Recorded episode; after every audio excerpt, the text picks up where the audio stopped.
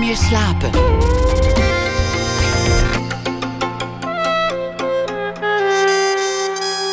Met Pieter van der Wielen. Goedenacht en welkom bij Nooit meer slapen. Straks na ene komt Frederik Spicht op bezoek. Ze heeft een nieuw programma Road met de mooiste liedjes voor onderweg. De beste road songs over weggaan en thuiskomen. En natuurlijk over het leven op de weg.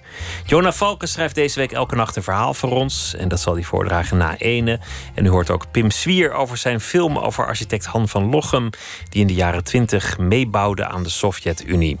We beginnen komend uur met Onno Blom. De opdracht van zijn leven heeft hij het al genoemd. Tien jaar heeft hij eraan gewerkt. De laatste maanden werkelijk als een bezetene. De biografie van Jan Wolkers, het litteken van de dood. Afgelopen vrijdag verschenen, zo rond de tiende sterfdag van de schrijver. Een lijvig werk, zo'n duizend uh, bladzijdes, vol onthullingen, vol nieuwe inzichten. En natuurlijk ook vol seks, heel veel seks. Hele gore seks ook, want het gaat wel over Jan Wolkers.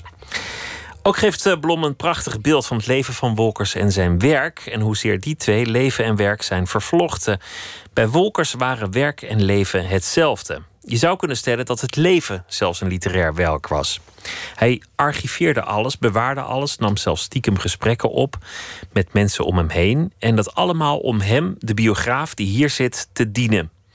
Ooit, weer zo'n onthulling, was Wolkers van plan om een roman te schrijven over zijn eigen biograaf, die de weg moest zoeken tussen al dat hij had nagelaten. Onno Blom werd het dus, geboren in 1969, zoon van een beroemd historicus, maakte een bliksemcarrière in de uitgeefwereld, stopte al jong, schreef al eerder over oude schrijvers, Mulisch en Komrij. En uh, nu is hij ook nog gepromoveerd afgelopen donderdag op deze biografie. Onno Blom, welkom. Dag Pieter. Hoe is het om tien jaar van je leven aan andermans leven te besteden? Overweldigend. Als ik er nu op terugkijk, dan uh, zie ik het als één uh, groot avontuur. Uh, en het is ook obsederend. Eigenlijk steeds sterker. Als ik, als ik terugkijk, dan zie ik het begin nog als tamelijk naïef. Niet wetend wat mij te wachten stond, hoeveel ik zou aantreffen, wat dat zou betekenen, hoeveel aandacht daar nog voor zou zijn. En naarmate die, die tiende sterfdag naderde als stip op de horizon, werd het eigenlijk steeds uh, obsessiever hoe ik daarmee bezig ben geweest. Dus zo. Je, je begon eigenlijk niet wetend wat het was, want, want het was een idee van Jan zelf. Hij opperde dat ineens.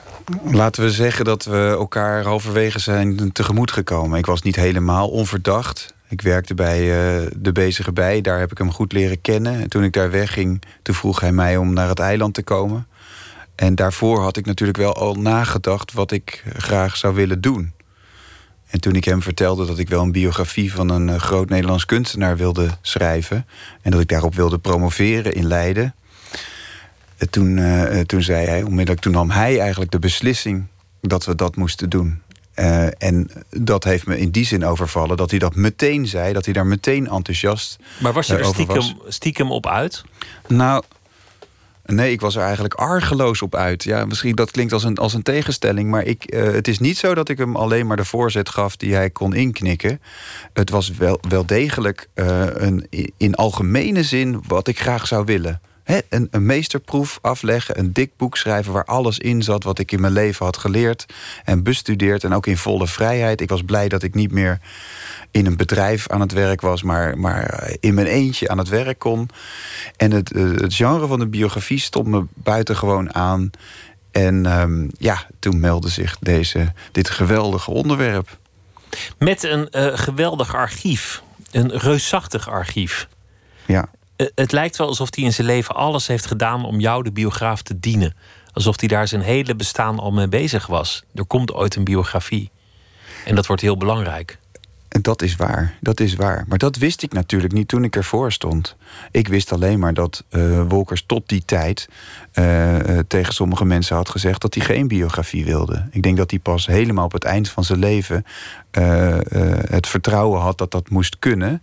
Al is het inderdaad zo, je zei dat in je inleiding al even, dat ik ook in, ergens in zijn dagboeken het plan ben tegengekomen dat hij een roman wilde schrijven, wat natuurlijk wel iets anders is, die dan de biograaf zou moeten heten, waarin die, die biograaf volgt die op weg gaat om zijn eigen leven te beschrijven. En hij had ook wel iemand voor ogen hoor, daarvoor. En dat was niet ik.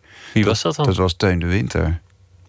Teun de Winter heeft ook voor Wolkers ehm, in de jaren 70 en ook in de jaren 80 uh, wel werk verricht, zou je kunnen zeggen, wat daartoe zou kunnen leiden. Ook Teun de Winter heeft bandjes opgenomen met mensen die voor Wolkers belangrijk waren. Hans van Straten bijvoorbeeld, een jeugdvriend uit Leiden, een latere journalist.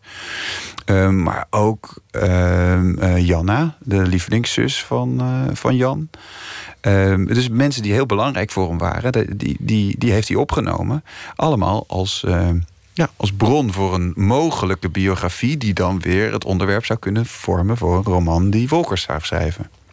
Wat opmerkelijk is, is dat, dat Wolkers nergens die biograaf wil beïnvloeden... door een mooier plaatje van zichzelf te schetsen dan de werkelijkheid was. Integendeel. Hij heeft ook tegen jou gezegd, je mag alles gebruiken. Ja. Dat, dat was al een, een linkschot voor de boeg. Maar in dat archief zit zoveel compromitterend materiaal. Ja. Zoveel materiaal waar ieder ander zich rot van zou schrikken. Of in ieder geval zou, zou proberen om dat weg te houden bij eventuele lezers. Ja. Wolkers niet. Nee, ik vind dat uh, een daad van moed. Eigenlijk dat hij dat heeft gedaan. En het is ook, uh, typeert hem. Kijk, je zei net, uh, eigenlijk lag alles klaar. Ik ben inderdaad na die tien jaar tot de conclusie gekomen Um, dat Wolkers ook zijn eigen uh, biograaf is geweest. Hè. Hij is mij voor geweest. Wat ik aantrof in dat archief, dat heeft hij daar allemaal klaargelegd. En in zekere zin uh, heeft hij dan ook nog langs een lange omweg... Uh, tien jaar lang mij geleid door, door de wereld en door dat, door dat materiaal. Het ligt daar niet voor niks. Maar er ligt inderdaad ook ontzettend veel... Um, waarvan je nou niet meteen zou zeggen dat dat geschikt is om een standbeeld mee op te richten. Het werk en het leven liggen heel dicht bij elkaar bij Wolkers. Dat, dat vond ik de eerste ontdekking, want ik ken het werk van Wolkers. Ik ben geboren in Oostgeest, opgegroeid in Oostgeest, woon in Leiden. Dus natuurlijk, Wolkers ken ik. Ik heb, ik heb de meeste van zijn romans denk ik wel gelezen. Mhm. Maar altijd gedacht, goh, die, die, die Wolkers heeft een mooie, rijke fantasie. Precies, nou daar, zo stond ik er dus ook in. Hè. Op, uh, op de dag dat we afspraken dat ik zijn biografie zou schrijven, heeft hij tegen mij gezegd: Niemand is dichter bij de waarheid gebleven dan ik. Mijn leven en werk zijn één. Dat is een soort gebeitelde uitspraak. die, die kan je op het epitaaf van een Romeinse tempel zetten, zou ik haast zetten, zeggen. En dat, en dat is een uitspraak die ik natuurlijk aanvankelijk met grote sceptisch tegemoet ben getreden. Ik ben uh, opgeleid als uh, Neerlandicus. Uh, en in de Neerlandistiek is bijna regel één dat je nooit uh, het alter ego van de schrijver met de schrijver zelf gelijk kan stellen. Maar in de gesprekken die ik met Wolkers voerde, viel mij op dat hij dat onderscheid helemaal niet maakte. Als hij uit zijn eigen herinnering vertelde, dan was dat één op één hetzelfde als hij had beschreven in zijn romans. Dus voor hem waren die twee één. En toen ik dat hoorde, die uitspraak, toen dacht ik: ja, ik heb niet alleen de opdracht van mijn leven te pakken, maar ook meteen de vraagstelling die mij wel een eindje vooruit kan helpen. Want hoe zit dat met, met eh, werk en, uh, en leven bij, bij Wolkers? Laten we meteen maar de, de schandalen ingaan.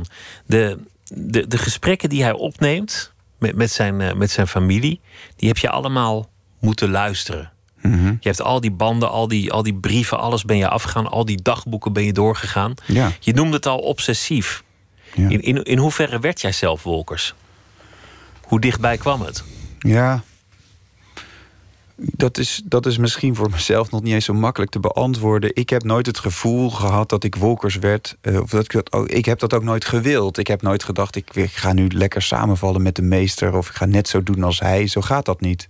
Maar als je 14 ehm, uur op een, op een dag bezig bent met iemands leven... Nou ja, hij wordt een personage. Hè? Wat, wat mij vooral heeft getroffen is dat... Um, je, het is niet zozeer dat ik die dingen uh, aan het uitvinden was om hem een plezier te doen of op, om hen te lijken of wat dan ook. Nee, het, het was zo dat ik alles wilde weten over hem, omdat hij de held van mijn biografie was. En dan, op het moment dat je een boek aan het schrijven bent over iemand, dan wordt alles ook interessant. Ook het oninteressante, ook de dingen die juist tegen het beeld ingaan ik heb geprobeerd, en misschien is dat wel uh, ongewoon, om elke dag opnieuw als het ware met onbevangen blik opnieuw te kijken, wat komt er nou op me af? Wat vind ik hier nu? En, en ook wel obsessief, omdat ik geen snipperpapier uh, ongelezen wilde laten en geen, geen, geen stukje van een bandje uh, onbeluisterd. Omdat ik al die dingen wilde weten om tot, tot de juiste conclusie te komen. En dan kom je erachter dat, uh, nou ja, dat er sprake is van incest. Dat, uh, dat, dat Jan en zijn zus een, een toch wel erg erotische verhouding met elkaar hebben. Ze hebben een erotische verhouding gehad. Ik weet niet wanneer het precies incest uh, heet. Is hij vinger, is niet, vinger is, is ook wel incest, toch? Ja, goed. Uh, ja, dat, als, als ja, dat zo is. Denk ik. Ja. ja. Maar ze zijn niet met elkaar naar bed geweest. Kijk, de, de, de, eigenlijk de, de gelegenheid die uh, Wolkers het meest geobsedeerd heeft uh, bij zijn zus... dat was toen zij uh, zwanger geraakt was um, van, een, van een donkere man. Uh, en dat moest opbiechten uh, aan haar ouders. En sterker nog, zij heeft, dat, uh, heeft dat een hele tijd geheim weten te houden. Ze is naar de dokter gegaan heeft gezegd dat ze pijn in haar buik had. De dokter dacht, nou, misschien blinde darmontsteking. Die heeft het opengemaakt. En toen bleek dat ze zwanger was. En heeft ze snel weer dichtgemaakt en het dichtgenaaid. En zij was daarvan herstellende. En dat deed ze in het huis aan de Rijnsburgerweg... tussen Leiden en Oestgeest, waar Jan toen woonde... met zijn eerste vrouw Maria de Roo. En toen Janna daar uh, rondliep, zwanger. Um, en, en haar lichaam opbloeide. Toen is op een gegeven moment is hij, voelde hij de aandrift om uh, met haar naar bed te gaan. En op die bandjes, die, die ook met haar gemaakt zijn en die ik heb afgeluisterd, heb ik, heb ik gehoord dat Janna ook bijna op hem verliefd was. En dat er dus een enorm hevige aantrekkingskracht was. Van, van beide kanten. Van beide kanten. En um, ja, toen, is het dus bijna gebeurd. En het mooie op dat bandje is, en daaraan zie je ook dat obsessieve, dat hij alsmaar terugkomt op die gelegenheid. Ja, ik stond daar in dat zijkamertje en toen keek ik naar buiten, zag ik dat. En toen stond jij zo en je had zo'n jak aan uh, en je, je borsten waren vol en ik kon erin kijken. En toen draaide je je om, heel nauwgezet, heel precies. En wat zei je toen en wat dacht je toen? Elke keer opnieuw, opnieuw, opnieuw. En waarom deed hij dit nu allemaal? Om er werk van te maken. Ik bedoel, die bandjes, die, dat zijn allemaal, het is allemaal materiaal om romans op te bouwen.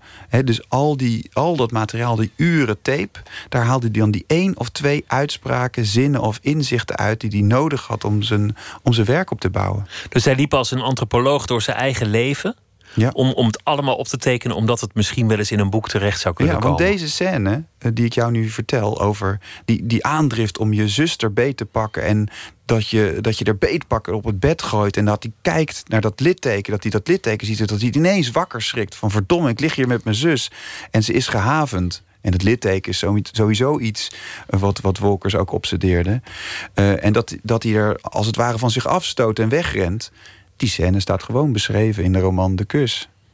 Maar niemand wist dat het waar was. Nee. Dat is juist zo mooi. Ja, dat is, ik ben dus in een aantal gevallen tot de conclusie gekomen dat mijn sceptisch ten opzichte van de uitspraak, van de monumentale uitspraak van Wolkers dat zijn leven en werk één waren, um, dat ik die moest laten varen, omdat dat gewoon waar was. De Volkskrant eh, interviewde jou en, en, en zei van... goh, had je niet wat meer je morele verontwaardiging moeten laten gelden op dit punt? En eh, de keurige biograaf antwoordt... ach, nou ja, dat komt toch in de beste families voor? Ik vond het wel grappig. Uh, Wilma, Wilma de die, vroeg, die, die, vroeg mij op een gegeven moment... heeft mij zelfs gevraagd of, of, uh, uh, of ik Jan nu niet een psychopaat vond... of, of dat, ik, dat die totaal van zijn, zijn, zijn sokkel was, was gedonderd. En wat ik daar nou van vond, van die incest-kwestie... En toen zei ik dat mij dat iets leek wat in de beste families voorkwam. Alleen ik heb geen zus. Een geestig antwoord.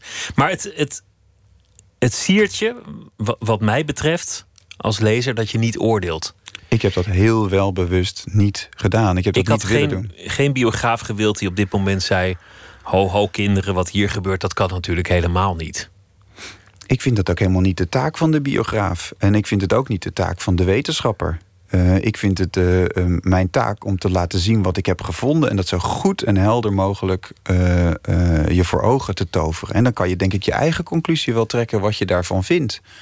Ehm, ik, ik ga ook niet zeggen, dit vind ik mooier dan dat... en, en dat alsmaar laten doorklinken. Nee, laat, je, je volgt gewoon heel strak die inhoudelijke lijn. Die, die, die, ik loop op, op, de, op het scherpst van de snede tussen feit en fictie. Tussen zijn verbeelding en tussen wat ik heb van de, van de werkelijkheid heb weten te reconstrueren op basis van dat archief. En ik vind het ook helemaal niet aan mij om te oordelen. Dat moet jij doen als je dat boek leest. Een affaire met een, eh, een, meisje van 17 als hij zelf al 56 is. Dit, dit was een, uh, een, een, primeur van de biografie. Ja. Feitelijk zou je kunnen zeggen, dat is, dat is, tegenwoordig is dat gewoon verboden. Ik weet niet hoe het toen zat, maar... Weet ik eigenlijk ook niet. Uh, dat is misschien dan een, een feilen van de biograaf.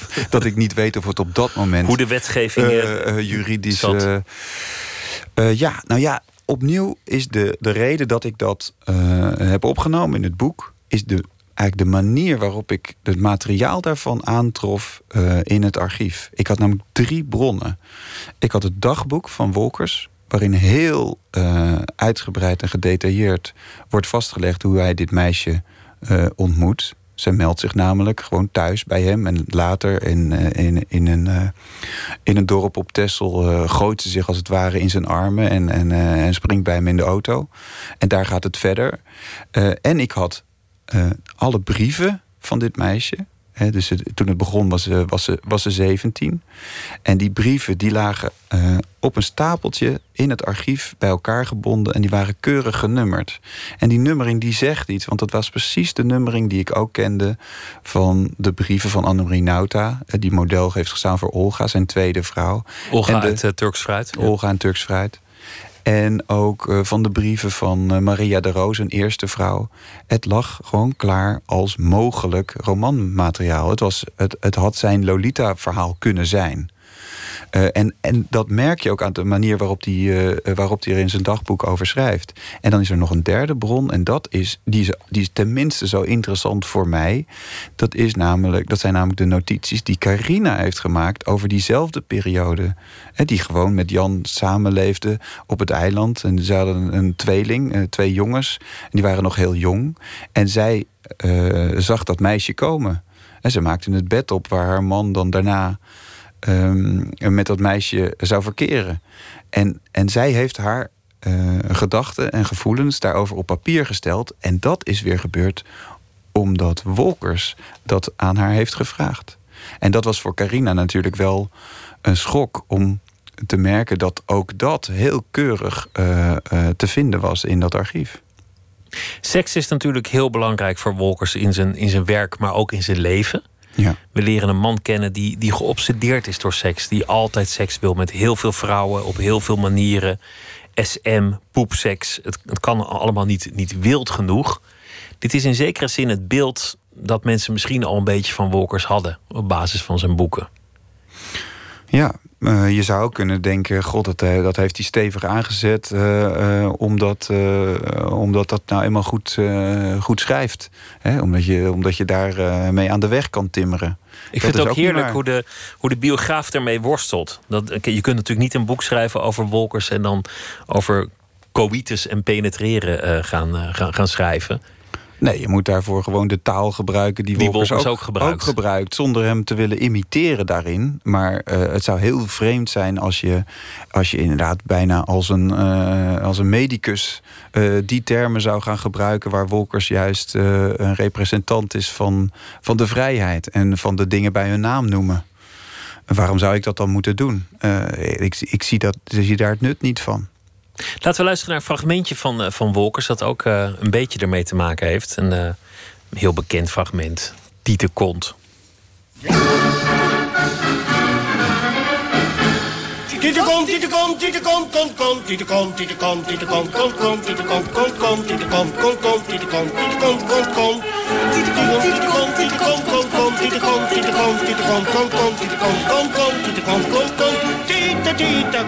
Komt zo'n buikje met, die na, met, de, met de navel erin. Hè? Dat, dat schaamhaar of dat kuthaar wat niet zo'n niet zo'n onordelijke bos is... maar wat een beetje mooi getrimd is en zo. Zoals je bij, laten we zeggen, bij Griekse beelden... zie je dus altijd zo mooi die vorm hè, van de Venusheuvels, zoals ze dat noemen. Dat is bij haar ook. En wat Trim jij dat? Nee, nee hoor, dat doet ze zelf. Ik geloof, met, doe je dat met een nagelschaartje, Carina? Nou, en even Wolkers erachteraan.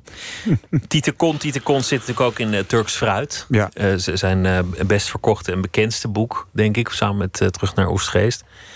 En um, nou had ik niet zo lang geleden, Gerard Soetenbeek hier eh, te gast. Of, eh, de Soetendorp. De... Soeterman. Soeterman, Gerard Soeterman. De scenarist van Turks Ja, dat was heel leuk om die hier te hebben. Ja. Ik dacht al, het is, het is een, een, een, een wraakroman. En hij zei nee, Turks fruit gaat over de dood. Het is allebei waar. Het is allebei waar. Uh, als, als Turks fruit uh, voor het eerst in de dagboek en de aantekeningen van Wolkers voorkomt, dan komt het voor als het boek van de wraak. Het is natuurlijk wel degelijk zo dat Wolkers iets had op te lossen uh, met Annemarie Nauta, met de, de, de vrouw op wie die woest, woest, woest verliefd was. En die hem, uh, die hem uiteindelijk uh, heeft verlaten. En hij, hij, wilde, hij wilde zeker wraak nemen. Maar toen hij eenmaal ging schrijven. Um, toen werd het natuurlijk het boek van de dood meer nog dan het boek van de seks. Je zou volgens mij Turks Fruit eigenlijk vrij goed kunnen vergelijken met de, met de Orpheusmythe. dus iemand verliest, uh, de grote kunstenaar verliest zijn geliefde aan de dood. Haalt haar terug, he, ze verlaat hem, haalt haar terug en dan gaat ze nog eens dood, omdat hij omkijkt naar het verleden. En die is, Olga moet ook dood in Turks fruit. Omdat dan alleen het ideaalbeeld van die ideale geliefde overeind kan blijven in de herinnering. Hij heeft tegen jou gezegd: Olga, c'est moi. Ja. Naar Flaubert, die dat had gezegd over... Uh, over Madame Bovary. Madame Bovary. Ja, nee, en dat komt ook omdat je, je kan daar weer niet um, ongenuanceerd over zijn. Olga Annemarie Nauta is niet één op één Olga. Hij heeft daar ook mee willen uitdrukken dat, dat Olga uit zijn verbeelding is voortgesproten, zoals, zoals Athene uit het hoofd van Zeus is geboren. Het is, het is een beeld. En um, uh, het is niet één op één uh, het werkelijke verhaal van wat zich tussen hen heeft afgespeeld. Er zijn heel veel ervaringen opmerkingen, uh, indrukken, ook van andere vrouwen en vriendinnen. Hè, met als meest treffende voorbeeld uh, de vriendin die stierf aan een hersentumor en die een luikje in haar hoofd uh, gezaagd kreeg. Um, Ida Sipora en haar dood heeft hij gebruikt om Olga te laten sterven. Dus Olga is niet één vrouw, Olga is een beeld, is een, is een, is een, een, ja, een symbool van zijn verbeelding. Er zit wel een thema in dat ook in jouw biografie terugkomt. Die seks is gewoon een manier om de dood te overwinnen. Ja. Er zit een soort tegenstelling in het, in het werk van Wolkers en ook in het denken van Wolkers. Tussen dood, een, een doodsvrees, het meemaken van dood, de dood van zijn broer, ja. de dood van zijn, zijn, zijn babytje, daar, daar zullen we nog over spreken. Overal dood. En op de een of andere manier is die seks, die lust, gekoppeld aan die dood. Ja, je zou kunnen zeggen dat ze elkaars contrapunt zijn. Hè? Eros en Thanatos als twee tegenkrachten die, uh, die elkaar in evenwicht houden. Hè, Wolkers leefde om de dood te verpulveren. Um, en uh, elke dag alsof het zijn laatste was, bij, bij uh, zou je kunnen zeggen. En die, ja, de, de seks is natuurlijk bij uitstek ehm, de manier om voluit te leven. Hè, waarin, zo, zolang je seks hebt, besta je. Um, en dat, dat, dat, dat heeft zijn leven voortgedreven, die twee, die twee dingen. Ik vind ook niet um, dat je Wolkers uh, alleen maar kan beschrijven als iemand die uh, seks zag als een, als een bevrijding. Het is ook wel zo dat het een, natuurlijk een gereformeerde jongen was, waarbij de seks taboe was. En die zijn, die, zijn, die zijn zakdoek, als hij gerukt had, moest, moest verbergen en ze in de gootsteen of in de, in de, in de dakgoot gooide. Dat zijn vader ze daar weer moest, uit, moest uitvissen. Ik bedoel, het is natuurlijk in een milieu waarin het absoluut niet mag, is het misschien wel fijner om je daaraan vervolgens uh, uh, over te geven. Maar die, die, die seks had niet alleen dat, die had ook iets heel, heel duisters. Um, en, en geobsedeerd. Iets wat hij moest doen om, om, uh, om de dood te overwinnen. En die dood is alomtegenwoordig in zijn leven. Ja. Het, het, de, de dood van zijn broer, het verlies van zijn, van zijn kindje, dat is denk ik zijn grootste trauma geweest. Dat denk ik ook. Ja, ik denk, ik ben ervan overtuigd uh, geraakt. En uh, zo begin ik mijn boek ook. Dat Wolkers is uh, als kunstenaar is geboren uit de dood. zijn broer stierf aan difterie in de zomer van 44. Hij had zijn broer zien sterven. En toen hij uh, zijn broer voor het laatst zag, achter glas in een ziekenhuisbed... en die broer die stak zijn vuist naar hem op en die zakte terug in de kussens...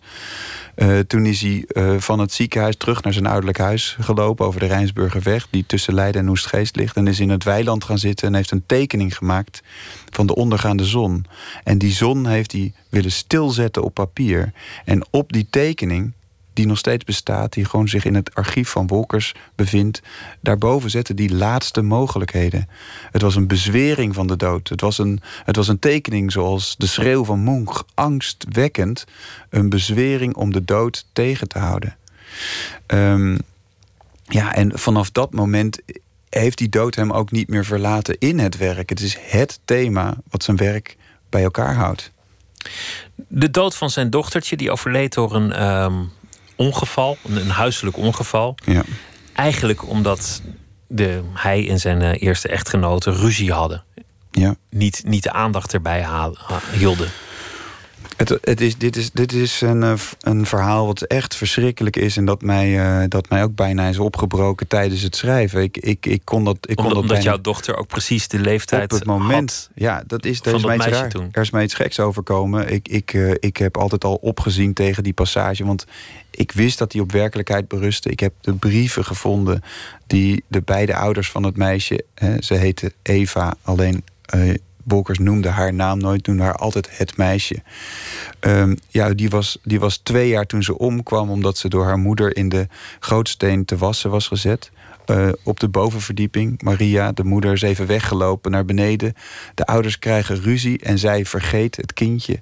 En op het moment uh, dat ze naar boven kijken, naar het plafond... dan zien ze het water naar beneden druipen. En dan blijkt dat, dat het kindje de kokend hete uh, kraan over zichzelf heeft opengedraaid. En die heeft nog een paar, jaar, een paar uur geleefd daarna in het ziekenhuis, uh, in het OLVG heeft ze gelegen. En uh, wat nog erger is, is dat uh, Jan en Maria zich ook van dat ziekenhuisbed hebben laten wegsturen door de nonnen, zoals dat toen ging. En dat kindje, dat heeft nog naar hem geroepen. Die heeft geroepen Dadi. Dus het woord waarmee zij hem aansprak als voor vader. En, en ik weet zeker dat hij dat woord e-, elk, elke dag van zijn leven nog uh, in zijn hoofd heeft uh, horen galmen. Hij voelde zich daar verschrikkelijk schuldig over. Dat, dat er een situatie was ontstaan, ook door zijn jongensachtigheid, door zijn, door zijn ruzies met zijn vrouw. Hij voelde zich opgesloten in dat huwelijk. Dat ging helemaal niet goed. En hij brak daar steeds uit. Ze kregen ruzie. Hij voelde zich verschrikkelijk schuldig dat hij, dat hij de situatie had gecreëerd waarin het liefste wat hij had, dat meisje uh, overleed. En zij is hem echt als een demon blijven achtervolgen. Tot zijn hele zijn leven. Aller, tot zijn aller, aller, allerlaatste dag. Delen daarvan zijn gebruikt in, uh, in Roos van Vlees. Zeker. Ik dacht altijd, wederom, Jan Wolkers heeft het allemaal verzonnen. Ja, nee, dit, dat is uh, in dit geval helaas niet waar. Ik, ik heb de, de correspondentie nogmaals tussen Jan en Maria, tussen de ouders gezien. Want dat huwelijk, dat, dat, dat was al slecht, maar dat ging echt helemaal kapot nadat het meisje uh, was overleden. En uh, daarin beschrijft uh, Wolkers bijvoorbeeld aan haar dat hij zijn hand onder de kokend hete kraan heeft gehouden om te, om, om te kunnen voelen wat het meisje moet hebben gevoeld. er, er, er staan echt gruwelijke passages in. En zoals je net al zei, mijn eigen dochtertje Julia was, was, uh, was twee jaar toen ik, toen ik op dit punt aan was beland om te moeten schrijven. En ik heb dat toen eigenlijk een week lang bijna blind in zitten voeren, al dat materiaal. En aan het eind van de week bleek dat, dat, dat alles wat ik uh, had zitten intikken spoorloos van de computer was verdwenen. En ik denk toch dat ik dan op de een of andere manier dat ook weg heb willen maken. Dat ik dat gewoon niet aankon. Dat het, dat het hier zo dichtbij kwam voor ja, jou? Dat, dat heb je natuurlijk wel als biograaf. Zonder dat ik me. Ik heb nooit het gevoel gehad dat ik me graag wilde verplaatsen. Of ik die situaties opzocht. Zodat ik maar net zo was als, als hij. Of dat ik dat maar mee mocht maken. Maar het, het trad af en toe wel op. Er zijn van die coincidenties in de tijd. Hè, in de beschrijving en in wat je zelf meemaakt. Waar je bijna om die vergelijking niet heen kan. Want Wolkers liep eigenlijk altijd met je mee. Of was in je hoofd, of in je achterhoofd, of in je gedachten. Die was natuurlijk nooit ver. Nee. Die, is, die, die, is nog steeds niet ver. Ik bedoel, dat is iemand met wie ik, met wie ik in gedachten spreek. Uh, en, en van, wie, van wie je droomt. Omdat, omdat je zo uh, uh, nadrukkelijk en langdurig en intiem bij iemands leven betrokken bent. Hij luisterde veel naar jazzmuziek. Hij luisterde ook naar heel veel andere dingen. En een van zijn helden was Elvis Presley. Ja. Daar, daar was hij heel erg dol op.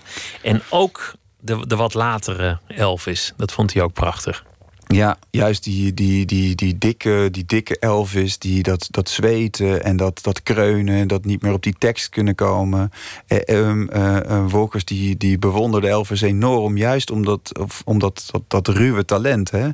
Uh, die, die, het leek wel als Elvis ook zelf niet besefte waar hij dat talent nou vandaan had. Hij had gewoon een feilloos muzikaal gevoel. En juist dat vette, dat melancholieke, dat vond hij fantastisch. En dat zei hij bijvoorbeeld ook tegen Willem Hè, dus een experimenteel jazzmuzikus, ook een genie. Uh, die vond dat ook. Die vindt dat juist als, juist als het te ver gaat, als het echt niet meer kan, dan wordt het, dan wordt het lekker, dan wordt het goed. We gaan luisteren naar uh, 1969, Elvis met In the Ghetto.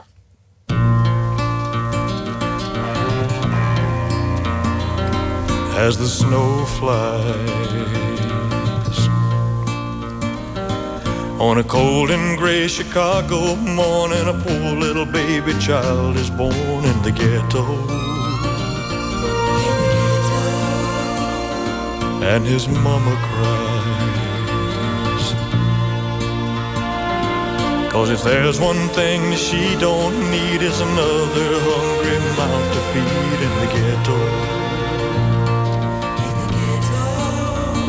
Our people, don't you understand? Child needs a helping hand. He'll grow to be an angry young man someday. I take a look at you and me. Are we too blind to see? Do we simply turn our heads and look the other way? Well, the world turns. And a hungry little boy with a runny nose plays in the street as the cold wind blows in the ghetto. And his hunger burns. So he starts to roam the streets at night and he learns how to steal and he learns how to fight in the ghetto. Then one night in desperation, the young man breaks away. He buys a gun, he steals a car, tries to run, but he don't get far, and his mama cries. As a crowd gathers round, an angry young man face down in the street with a gun in his hand in the ghetto. And as her young man dies, On a cold and gray Chicago morning, another little baby child is born in the ghetto. And his mama cried.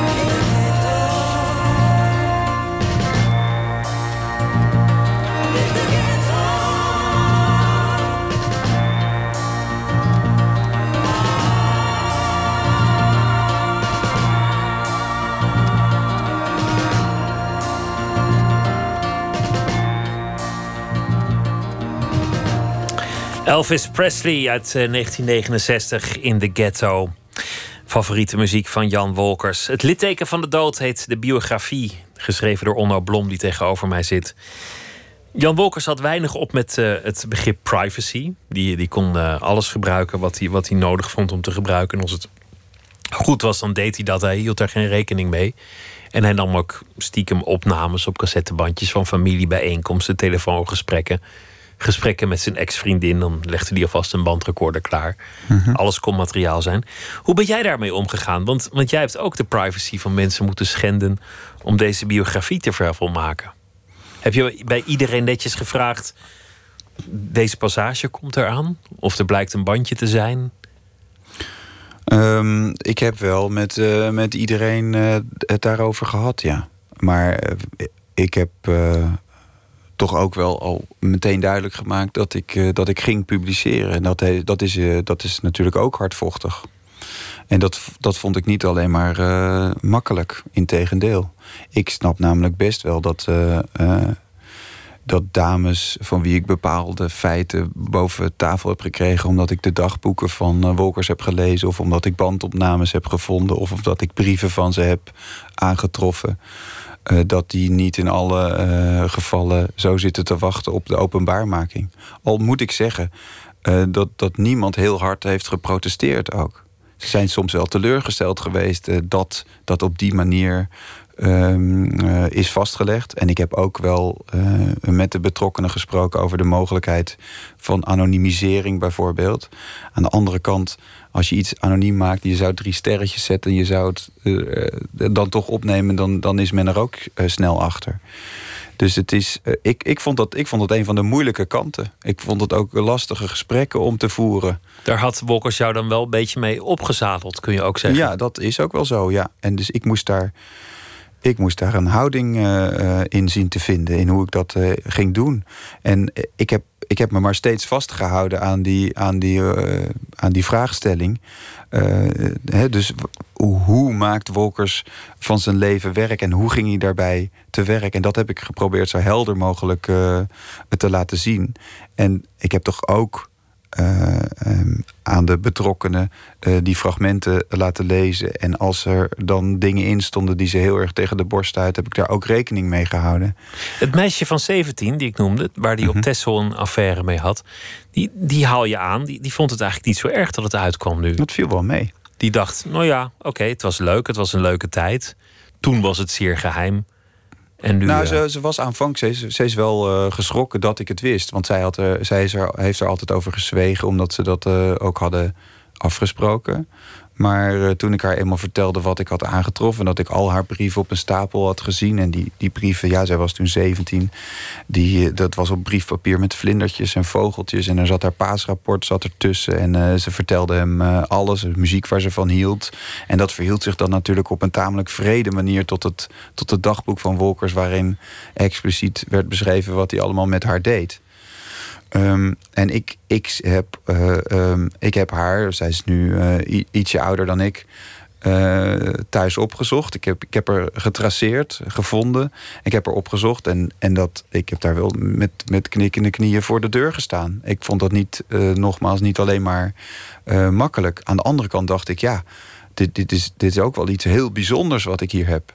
En zij, zij heeft ook Um, uh, zij heeft mij verteld dat zij zelf ook het initiatief heeft uh, genomen tot die verhouding. En zij schaamde zich ook niet voor die verhouding.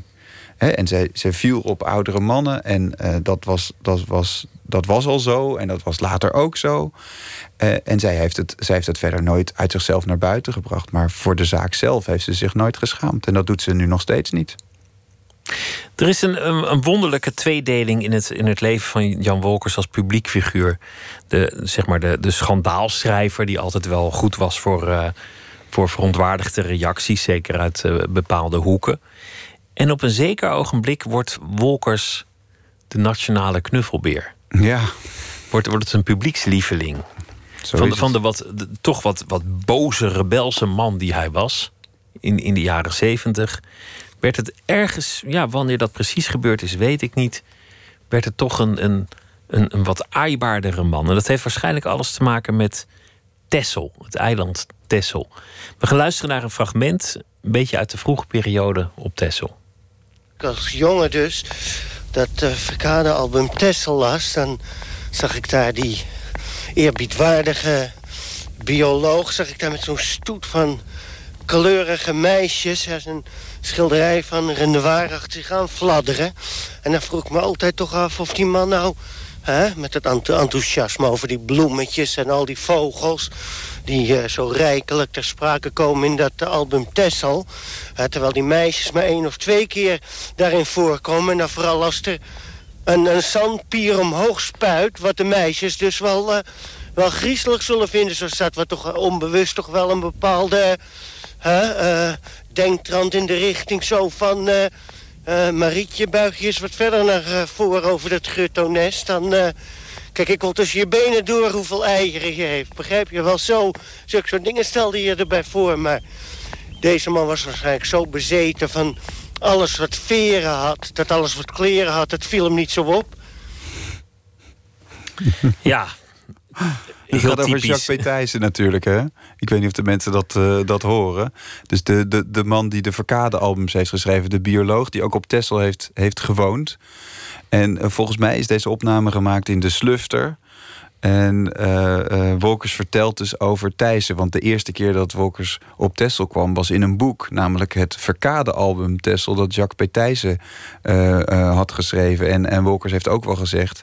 dat er voor hem als jongen maar twee schrijvers waren. Namelijk God, die de Bijbel had geschreven... en Jacques P. Thijssen, die de Verkade-albums had gemaakt. Ah, wat mooi. Ja. Zo zijn er heel veel leuke fragmenten en... en ook radiomomenten. Je hebt ook heel veel radio gebruikt voor je, voor, voor je boek. Zijn eigenlijke wens was volgens mij om bioloog te worden, ooit. Zeker, als jongetje droomde hij daarvan. Hij had twee ooms. Uh, dus broers van zijn, van zijn moeder, die de plantenjongens werden genoemd in de familie. En die met botaniseertrommels uh, de natuur introkken. En die dus ook al die verkade albums hadden. En Jan hield als jongetje al verschrikkelijk veel van de natuur. Het was, het was de plek waar hij de, de vrijheid zocht om de benauwenis van dat grote gereformeerde gezin te ontvluchten. En uh, dat zag hij als, als zijn toekomst bioloog te worden, net als zijn, zijn ooms. Maar uh, die weg uh, werd, hem, werd hem onmogelijk gemaakt. Toen hij door de hoofdonderwijzer van de Leidse Houtschool, de school met de Bijbel, niet naar de HBS werd gestuurd zoals zijn vriendjes, maar naar de MULO, waar, uh, ja, waarnaar de kindjes uit de arme middenstand uh, werden gestuurd. Hij Eigenlijk werd er gewoon naar zijn afkomst gekeken en op basis daarvan werd een advies gegeven. Ja, dat moet er toch wel geweest zijn. Het is ook wel zo dat, want ik heb ja, tot en met de, de, de schoolrapporten van, van Wolkers natuurlijk zitten te bestuderen. Het was ook wel een een dromerig uh, jongetje. Er staat er ook op een gegeven moment in het rapport... Jan moet niet zo zitten dromen, hij moet beter opletten. En hij was ook wel weer, weerspannig en, en niet, niet makkelijk. Jan is uh, lui en ongehoorzaam. Ja. Dat heeft ooit als achterflap gediend op een van Zeker, zijn... ja, deed dat inderdaad. De, van een van die, een van die rapporten van de, van de derde klas, geloof ik... van de Leidse Houtschool, die, die stond op de achterflap... van de eerste druk van Terug naar Oostgeest. Ja. Nee, maar dat is, dat is voor hem echt traumatisch geweest. Dat hij op zijn afkomst uh, en niet op zijn talenten werd beoordeeld. En, en dat hij dus ergens naartoe uh, moest waar hij waar die niks in zag. Hij, is naar die MULO gestuurd. Um, en heeft toen een half jaar gezwegen. Hij heeft echt niks gezegd in die klas. En ze wisten niet wat ze met hem aan moesten. Ze hebben hem nog naar de, naar de psychiater uh, gestuurd. Maar daar zei hij ook niks. En die zei ook, ja, ik kan aan de jongens niks, niks, niks ontdekken... behalve dan dat hij niet meer wil. Dus toen is hij van school gehaald. Uh, en toen moest hij bij zijn vader in de winkel komen werken. Maar het was inmiddels 1939. De mobilisatie was er. De oorlog stond voor de deur. En in die winkel van zijn vader was helemaal niets meer te doen. Die was totaal leeg. Want, want armoede. Dus zijn, zijn droom als bioloog was aan duigen. Later is hij het eigenlijk alsnog een beetje geworden. Ja, met zijn, veel, uh, veel mooiere en betere bioloog. Met zijn vertellingen uh, en beschrijvingen ja, van, uh, van de natuur in, in alle gedaanten. De oorlog is natuurlijk ook altijd belangrijk.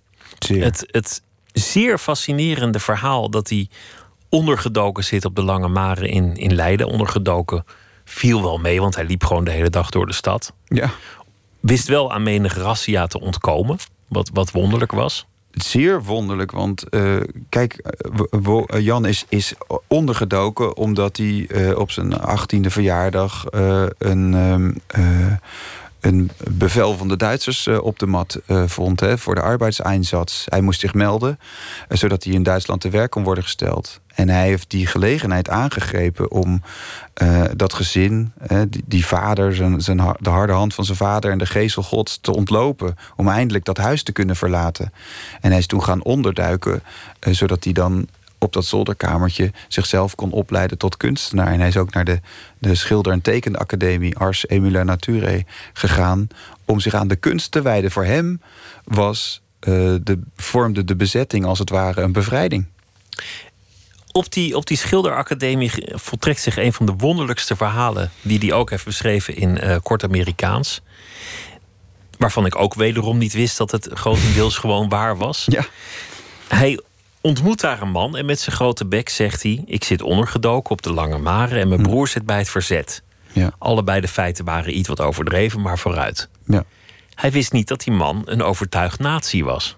Ja, daar is hij pas, Hartstikke fout. daar is hij pas achter gekomen nadat hij eh, bij, de, eh, bij de tweede of de eerste of de tweede les eh, voetstappen hoorde naderen. En dat waren, of, of wat het zo zou haast zeggen, zware, zware laarzen hoorde naderen. Want, en toen draaide hij zich om en toen stond daar die, die man die zich bij de deur van de- de schilderacademie had ge- gemeld. Met een, met een, een eh, jas met verfspatten en met een flambaar op het hoofd. En die was nu ineens in het gitzwarte uniform van de WA getooid. En toen wist hij wel dat hij, zich, dat hij zichzelf in een beetje een, eh, moeilijk parket eh, had eh, terechtgebracht. En, en dit tekent ook de intelligentie van Jan Wolkers. Dat hij niet dacht, ik kom hier nooit meer terug. Maar dat hij juist dacht, ik moet hier blijven komen. Zolang ik hier een goede band heb met die man, zal die mij niet verraden. Ja, dat heeft hij aangedurfd en dat blijkt ook waar te zijn geweest. Maar wat ehm, eh, Jan niet wist, eh, was hoe verschrikkelijk het gedrag van bouwmeester, want zo heette deze man, is geweest in de oorlog. Want ik heb eh, ook zijn dossier nagetrokken in het Nationaal Archief. En die heeft echt verschrikkelijk veel mensen aangegeven. Er zitten allemaal briefjes in eh, waarin wordt gewezen op, op, op winkeliers in Leiden, of waar Joden zouden kunnen zitten, of eh, mensen die onvriendelijke dingen over de Duitsers hadden gezet. Die gaf hij dus allemaal aan. Ik denk dat hij echt doden op zijn, eh, op zijn geweten had. En, en dat het zo erg was, heeft, heeft Jan als jongen zich toch in zijn naïviteit misschien niet gerealiseerd. Hij was gewoon op die man gesteld en dat was wederzijds. Want het is, het is, opnieuw is dit een hele rare paradox. Die jongen die zoekt in de bezetting de bevrijding. En die zoekt, zoekt ook bij de bezetter, als het ware, de bevrijding. En Dus krijgt dat- uitmuntende tekenlessen ook nog. En leidt zich dan dus ook nog op tot, tot, een, goede, tot een goede tekenaar. Ja. In de roman laat hij hem doodgaan. Het is bevrijdingsdag. Iedereen danst. De straten van Leiden. Het is één groot feest. Jan loopt dat huis binnen en, en ziet oh, de, de, de, de, de foute Rick hangen. Ja, nou, het zit, het, zit, eh, het zit een beetje anders. De, eh, er is een één medeleerling op, eh, op, eh, op, de, op de academie... eh, die de spin wordt genoemd in eh, kort Amerikaans. En die hangt zichzelf op een gegeven moment op. En, en die man heeft ook echt bestaan. Die heet Herman de Voogd. En Je dat was een ja. Was schizofrene man. spin die- dat is een schizofrene man, maar die heeft zich niet opgehangen. Die, eh, die, die vertoonde wel een verschrikkelijk vreemd gedrag. Maar die, die is uiteindelijk gewoon in Endegeest terechtgekomen... in het gesticht dat weer op steenworp afstand staat... van het geboortehuis van Wolkers. Nee, de roman eindigt eh, eigenlijk met, met de zelfmoord van de hoofdpersoon. De hoofdpersoon raakt helemaal in, in, eh, in de waanzin, door de waanzin gegrepen. Die, die vermoordt het Joodse vriendinnetje wat hij meeneemt naar die academie... omdat zij hem eh, betrapt als hij de liefde bedrijft met, een, met de tors. Ehm, en hij heeft zich zo in de, in de problemen eh, eh, gewerkt... dat hij als de BS'ers die, die foute, die gitzwarte academie komen bestormen... dat hij een, een oude bajonet door het raam steekt... zodat ze op hem gaan schieten en hij zijn eigen dood teweeg brengt. Toch een beetje fictie ertussen, maar, maar veel bleek Ja, ook natuurlijk, wel nee, het is niet mijn stelling voordat eh, de luisteraars dat, dat alles denken. één op één waar dat is. Nee. alles in die romans één op één waar is. Nee, mijn stelling is dat, dat, eh, dat in heel erg veel eh, gevallen Wolkers eh, elementen uit zijn eigen leven heeft gebruikt om die romans op te bouwen. En dat is fascinerend om te zien hoe hij dat, hoe hij dat doet. Ik heb het niet over. Eh, over de werkelijkheid, maar ik heb het over de waarheid. En schrijvers die liegen de waarheid, die zetten de waarheid naar, naar hun hand. En dat was de manier eh, van Wolkers om te werken. Hij wilde via de kunst, via het maken van beelden, van romans, van poëzie, van schilderijen, tot zelfinzicht komen. Hè, tot, tot de waarheid van zijn leven. Dat is mijn stelling. Carina, zijn, eh, zijn weduwe, die heeft gezegd dat, dat, dat ze heel blij was met de biografie, noemde het een meesterwerk. Ja, Ze zegt eindelijk, eindelijk kunnen mensen zien hoe het werkelijk was. Dat, dat lijkt me een groot compliment, want zij was erbij tenslotte. Ja, En jij niet. nee. Dus, Zeker dus, dus wat haar betreft heb je het heel dicht weten te naderen. Ja. Wat ook een compliment is, is dat je er niet een, een literair-wetenschappelijke studie van hebt weten te maken. Je bent erop gepromoveerd, maar nergens staat dat jargon dat bij literatuurstudies gebruikelijk is. Ja, nee, dat is. Uh, het dat woord is... postmodern valt, geloof ik, niet één keer. Nee, gelukkig niet. Uh, ik denk wel dat dat ook flink wat wenkbrauwen heeft doen reizen in de academische wereld. Ik denk dat zeker niet alle letterkundigen uh, blij zijn met mijn boek als proefschrift. Ik denk dat de meesten het stiekem dan wel openlijk graag hebben gelezen. Maar ja, dus het is, op de academie is het wel de stelling dat je eigenlijk het, het, genre theoretisch vooruit zou moeten helpen. En dat je dat, dat jargon nodig hebt. Dat ik bijvoorbeeld ook Wolkers had moeten, uh, moeten beschrijven als de representant van de generatie die de seksuele revolutie tot stand bracht, of als de representant van de kerkverlaters uh, um, onder de gereformeerden. En dat heb ik niet willen doen. Ik heb hem niet willen opsluiten in een schabloon. Ik heb gewoon willen laten zien hoe hij zijn leven leefde. Wolkers ging niet met meisjes naar bed om de wegbereider van de seksuele revolutie uh, te zijn. Nee, hij ging met die meisjes naar bed omdat hij opgewonden was. En omdat hij daar iets aan ontleende. Je wilde wel heel graag promoveren en dat heeft dan waarschijnlijk te maken met je vader. ja, dat is, dat is waarschijnlijk jouw vadercomplex. Ja, dat is, ik weet niet of je dat weet, maar dat is, dat is inderdaad... Uh, je moet stellingen maken bij een proefschrift... en dat was mijn laatste stelling. Promoveren doe je voor, de, voor je vader. En uh, dat is natuurlijk een soort, ook een soort eerbetoon aan mijn, aan mijn vader. En dat is ook, uh, dat, dat getuigt van het feit dat, het, dat ik altijd het gevoel heb gehad... dat dat iets moois was om te doen zo'n meesterproef af te leggen. Het ideaal van de academie staat mij nog steeds buitengewoon aan als de plek uh, ja, waar, waarin je in volle vrijheid kan nadenken en, en je gedachten op, op papier kan zetten en, en jezelf tot, tot grote hoogte kan brengen. Um, dus ik, ik, ik vond het een heel uh, aantrekkelijk idee. En ik, heb, ik kan ook me nog goed herinneren dat ik als zesjarig jongetje mijn vader heb zien promoveren in het groot auditorium in Leiden aan het Rapenburg in dat oude academiegebouw. Op de muiterij op de zeven provinciën. Precies. Um, ja, ik heb nog uh, les van hem gehad. Ja, kijk aan. Nou, en het grappige is, de muiterij op de zeven provincie komt dan ook weer voor in de walgvogel. Het is, het is heel gek. Dus, die, die, ja, mijn leven is geheel uh, verweven met dat van, wat dan, dat van Wolkers. Die promotie, ik, ik, uh, ik, ik, ben gaan kijken natuurlijk. Dat was, dat was natuurlijk fantastisch om te zien. Al die mannen in jurken met, met plechtige rituelen. Stoetmorsige kerstmannen noemt Karel van het Reven dat in twee en dan, en dan gaat het wel over Wolkers. Dus dan, dan zeg je wel edelgeleerde opponents, dank voor deze vraag. Ja, ja.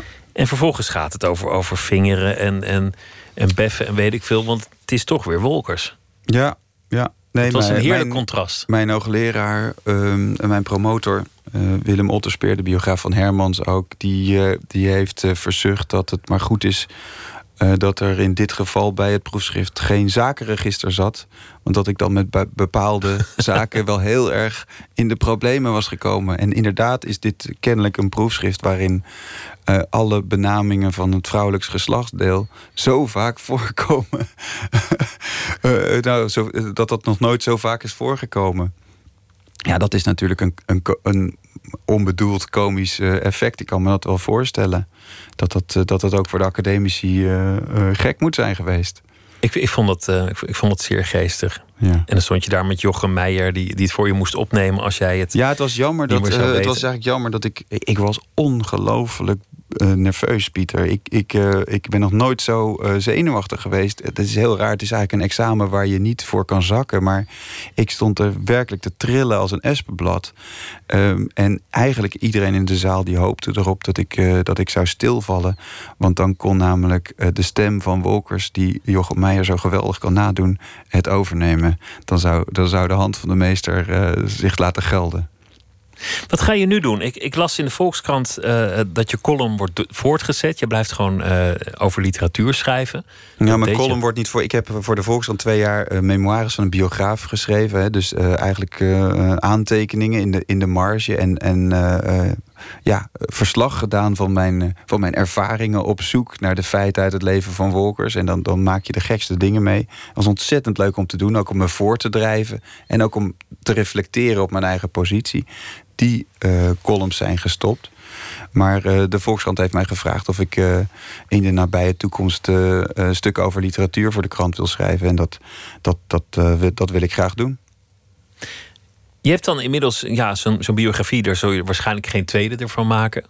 Dat, dat, dat lijkt me niet iets dat je, dat je twee keer in je leven doet. Niet, niet op deze manier. Dat kan ik me eigenlijk ook niet, uh, niet voorstellen. En je kan je ook eigenlijk op een bepaalde manier niet een, een held van een biografie voorstellen. Die, die, waar zoveel verschillende uh, aantrekkelijke elementen een rol in spelen. Zo'n multitalent en de beeldende kunst en de literatuur. Iemand die zo'n weerslag heeft gehad op de maatschappij. Die zo'n humor heeft, die ook een mediatalent is. Ik bedoel, als je als ik, ik had mijn biografie bij wijze van spreken inderdaad alleen al op basis van radio-uitzendingen uh, uh, kunnen schrijven. Dat is zo'n rijk uh, terrein. Ja, waar, waar vind je dat nog? Dat, dat wordt echt moeilijk. Je hebt in de uitgeverij gewerkt. Je, je recenseert boeken voor de Tros Nieuws Show. Je hebt ja. meerdere boeken geschreven over de literatuur. Nu een grote biografie. Ja. En één ding, daar scheer je altijd eigenlijk maar gewoon een beetje langs. Dat durf je nooit echt helemaal aan. Dat is namelijk om zelf schrijver te worden. Fictieschrijver. Ja, nou ja, goed. Ik, ik, uh, mijn stelling is wel dat, je, uh, dat, een, dat een goede biograaf eigenlijk een, uh, een, een romanschrijver is die onder Ede staat. Um, dus ik, ik hoop wel dat ik als het ware de, de, de treffende, de goede elementen van de roman heb aangewend om mijn boek ook vorm te geven. Dus ik, uh, ik uh, ja, als iemand daar goed in slaagt, dan vind ik dat hij al, al, ook wel echt een schrijver is. Maar je hebt gelijk, ik heb me nog nooit aan de roman uh, gewaagd. Um, en ik weet ook niet of die, of die in me zit. Ik, ik denk wel dat ik, dat ik ooit de sprong zal wagen. Maar of dat goed af zal lopen, dat weet ik niet. Maar het wordt misschien langzaamaan wel een keer tijd om die sprong te gaan wagen. Ja. Nou ja, ik heb wel nu, ik heb nu een, een, een idee voor een boek. Gebaseerd op waarheid. Iets wat met mijn eigen familiegeschiedenis uh, te maken heeft. En ik weet eigenlijk niet goed welke vorm eruit zal komen. Het, het uh, inhoudelijke idee is er. Maar misschien schrijft dat wel meer en meer op. Naar een verhaal, een novelle of zelfs een roman. Het zou kunnen, Pieter. De, de tekst kunnen. bepaalt het. het jij Nou ja, typt, het- het- je, je ja. kijkt waar het je leidt. Precies. En dat heb ik, dat, dat, dat heb ik toch ook wel echt geleerd van, van, van dit boek. Ehm, de meeste proefschriften die, die, die beginnen met een vraagstelling eh, van tien regels... waarin allerlei bijzit, eh, bijzinnen zijn te vinden... waarin eigenlijk wat je gaat vinden al is vastgelegd. Ik wil dat niet.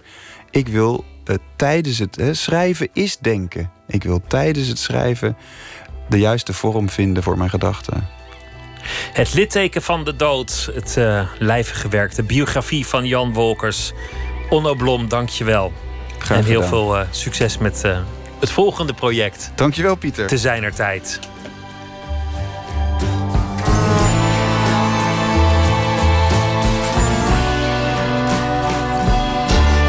Radio 1. Het nieuws van alle kanten.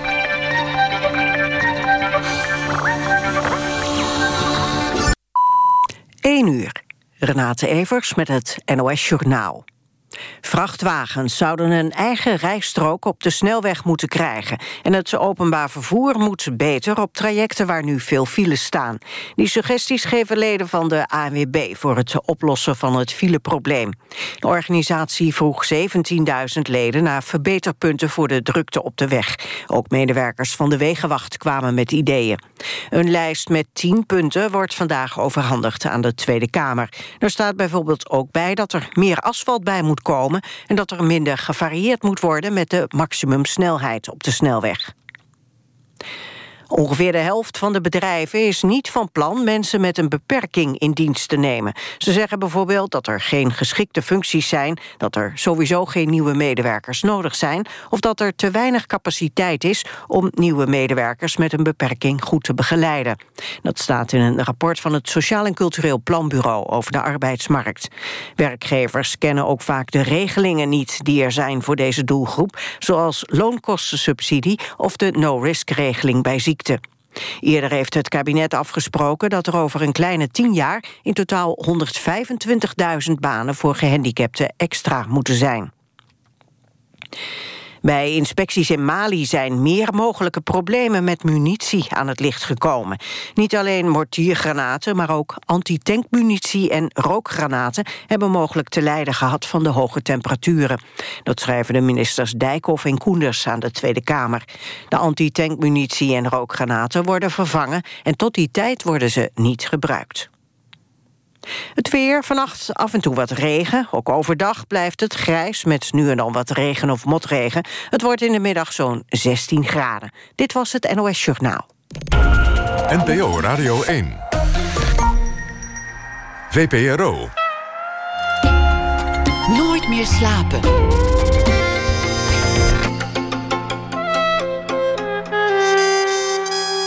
Met Pieter van der Wielen. Architect Han van Lochem reisde de jaren 20 naar het verre Siberië om daar mee te bouwen aan het communistisch paradijs dat uiteindelijk de Sovjet-Unie moest worden. 100 jaar later, nu verschijnt er een film over de architect met als titel Bouwen te midden van eenzaamheid. Filmmaker Pim Zwier hoort u zo meteen en ook historicus Gijs Kessler.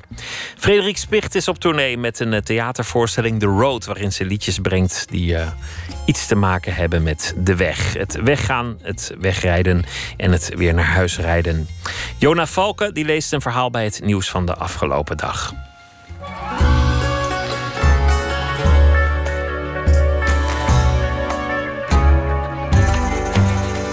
Het Boekenweekgeschenk, gezien de feiten van Giet Op de Beek, wordt dit jaar ook naar het Fries vertaald.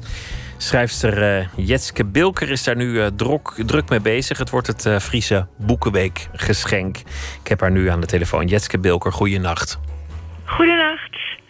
Een boek van het Vlaams naar het Fries vertalen. Dat lijkt me een gewichtige opdracht. Waar zitten hem de moeilijkheden? Wat zijn de dingen uit het Vlaams die je nooit in het Fries op papier krijgt? Um, dat is de, de term ik zie u graag. Ik zie u graag. Ja, dat uh, een van de vorige boeken van Griet op de Beek weet ik dat dat ik ben verliefd op je of ik hou van je is. En in dit boek kan het niet ik ben verliefd op je zijn. Dus ik moet daar iets voor vinden. Het is een moeder die zegt dat tegen haar dochter. Dus... Ja, maar het is in het Nederlands ook al moeilijk. Maar dat zal in het, in het Fries misschien nog moeilijker zijn dan? Nee, dat maakt niet uit. Dat maakt niet uit? Nee, want ik spreek Fries. Dus ja, wij zeggen die dingen natuurlijk ook tegen elkaar. Ja, uiteraard. Ja. Het, is, het, is, niet dat de Friesen minder van elkaar houden. Uh, nee, ik denk het niet. Het is, uh, um, het is al langer zo dat in de Boekenweek er ook een Fries geschenk is. Maar vaak ja. is dat, als ik het goed begrepen heb, gewoon Friese literatuur. Ja, wij hebben altijd ons Friese Boekenweekgeschenk. En dat is onze eigen... Uh, dat is altijd een schrijver uit onze eigen literatuur. Ja. En dit keer komt er nog een vertaling bij. Dus dit, dit keer mogen de Friese kiezen uit twee geschenken? Of krijgen ze gewoon twee geschenken? Dit jaar is er uh, niet een uh, Friese literair boekenweekgeschenk. Dit jaar is er alleen uh, dit vertaalde Fries boekenweekgeschenk.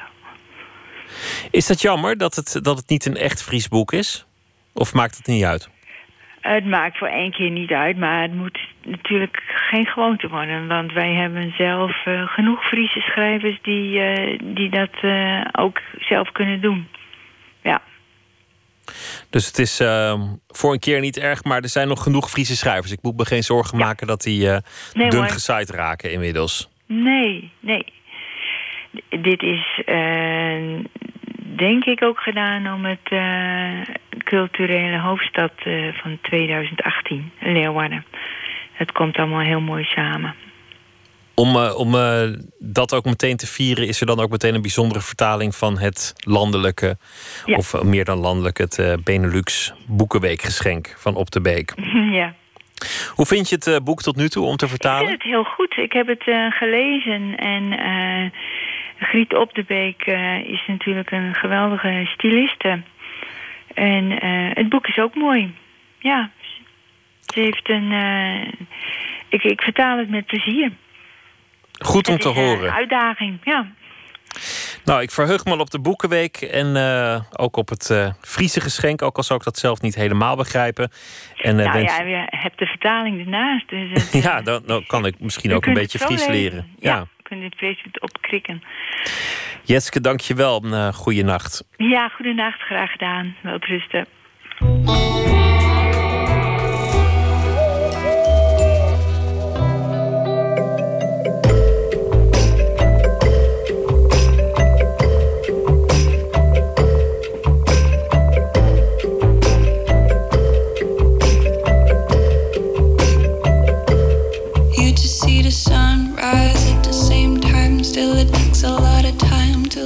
the same sight. No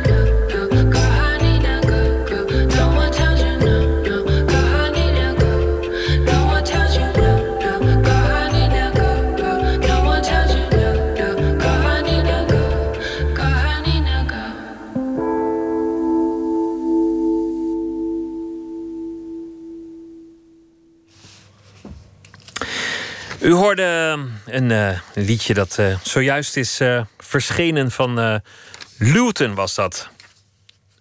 Geloof ik. Nooit meer slapen. Als je de kalender van uh, destijds aanhoudt, is het uh, deze week het 100-jarig jubileum van de Russische Oktoberrevolutie 1917. De Bolsjewieken grepen de macht. In de jaren die volgden trokken vanuit de hele wereld idealisten naar de Sovjet-Unie om mee te bouwen aan het nieuwe arbeidersparadijs. Ook de Nederlandse architect Han van Lochem trok naar het oosten. Er is een film over hem gemaakt die geheel bestaat uit archiefbeelden uit die tijd. Bouwen te midden van eenzaamheid heet de film. Een reportage van Eliane Meijer. Ja, het was een periode waar een ongekend optimisme was in de jaren twintig. Dat er, er was de schijn dat er heel veel mogelijk was. Dat er echt iets heel nieuws werd geprobeerd en werd, werd opgebouwd. We kennen allemaal de grote lijnen van de geschiedenis. Maar om het verleden echt tot leven te wekken, moet je de dunne draadjes volgen. Flintertjes van een individueel leven opdiepen uit het archief. Je een weg banen door duizenden details. En er een verhaal van maken. Dat is wat filmmaker Pim Zwier het liefste doet. Toen in 1925 de uitnodiging kwam om in Sovjet-Rusland mee te werken aan de opbouw, heb ik niet lang geaarzeld. Ik brak mijn Hollandse werk af om in dat vreemde land mee te gaan ervaren wat hier niet mogelijk scheen. Eén map. Ja. Pje. Je zelfs. Ja, niet heel dik ook. Genoeg voor een film. Blijkbaar. Nee, zorg alleen dat ze op volgorde blijven. Ja. Ik spreek Pim Zwier in een zaaltje in de kelder van het IISG... het Internationaal Instituut voor Sociale Geschiedenis in Amsterdam.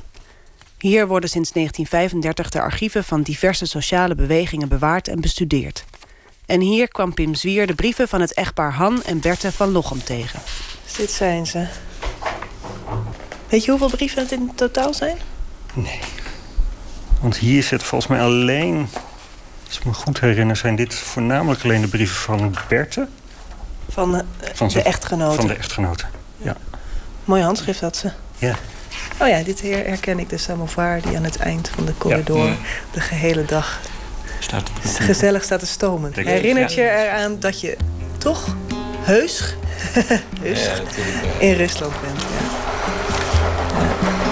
En zoals we daar nu zaten, in de luxe wagen van de Trans-Siberische...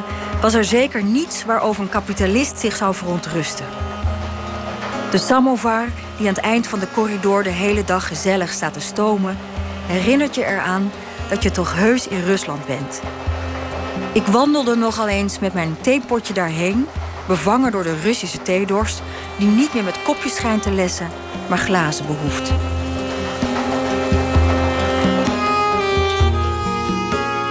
Siberië, midden jaren 20 van de vorige eeuw. Een klein stadje op de uitgestrekte steppen is uitverkoren om een waar arbeidersparadijs te worden. Een grootse industriestad met een glorieuze toekomst in de communistische heilstaat van Lenin. Het waren in eerste instantie niet de Russen, maar vooral Amerikanen en Finnen en Nederlanders die de stad uit de grond moesten stampen. Idealisten en communisten. Of mensen die, zoals Han van Lochem, de bureaucratie en concurrentie in hun eigen land zat waren en simpelweg de vrijheid roken. Het contract was dat hij daar negen maanden aan het werk was. En dan drie maanden weer naar huis en dan kon hij weer negen maanden. Maar hij gaat dus alleen. Eh, dus hij laat gewoon alles achter om daar te kunnen gaan bouwen. En te helpen met, met het arbeidersparadijs wat daar wordt opgebouwd. Ehm, dus dat is een hele inter- interessante stap. Dat die, die combinatie van zijn kunstenaarschap met zijn idealisme.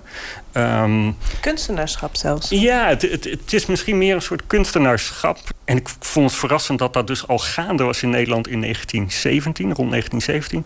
Van Lochem beklaagt zich erover dat hij naast zijn architectschap ook zakenman moet zijn. Dat hij, dat hij wordt geacht met zijn ellebogen te werken om zijn baantjes te krijgen en zijn opdrachten. En dat bevalt hem niet. Dat dat toen is ingezet, daar had ik echt geen flauw benul van. Want nu moeten we dat allemaal zijn. Allemaal ondernemertjes die ook allemaal hun eigen opdrachtgevers Ja. eh, regelen. Ja. Ja. Hij, hij kan zich niet alleen richten op zijn, op zijn feitelijke werk, op het bouwen, maar er komt veel omheen. En het is ook een vlucht naar Rusland om te kunnen gaan bouwen. Plus dat daar natuurlijk alle grond is van de staat. Dus je hoeft niet te, onderhandelen over een metertje meer of minder. Er kon gewoon onbeperkt gebouwd worden.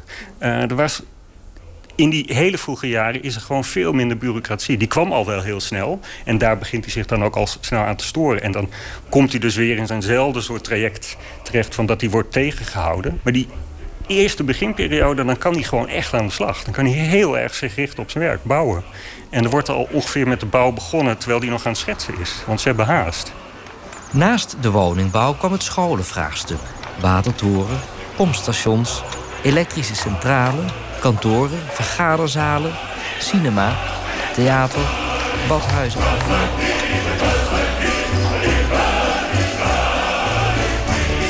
Er zijn natuurlijk ook heel veel mensen puur uit idealisme naartoe gegaan. En die dachten echt dat ze een andere samenleving zouden kunnen opbouwen. En dat zijn ook vaak de mensen die te lang zijn gebleven. En die het dus ook niet hebben overleefd. Die zijn gewoon met Stalinistische vervolgingen zijn die, om de zeep gebracht daarna. Eigenlijk was Han van Lochem eh, op, net op tijd weg. Hij is, op tijd, hij is op tijd weggegaan. Ja, er zijn meerdere mensen. Er zijn ook mensen met wie hij wel heeft samengewerkt in Kemerhoven. Die hebben het gewoon niet overleefd. Die zijn in de jaren dertig uh, om zeep geholpen.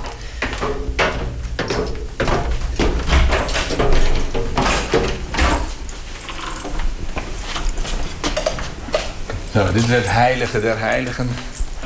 Kijk, dit is hoe al, waar al die verdiepingen bij vol staan. Eindeloze stellingkasten waar al die eh, materialen in staan. Ja, Het, en dit is nog maar één kamer, toch? Van, ja van- eh, dit zijn er dus inderdaad. Ja, het, het hele gebouw zit er vol. Gijs Kessler is de Ruslanddeskundige van het IISG. Hij werkte 15 jaar in het Moskouse archief...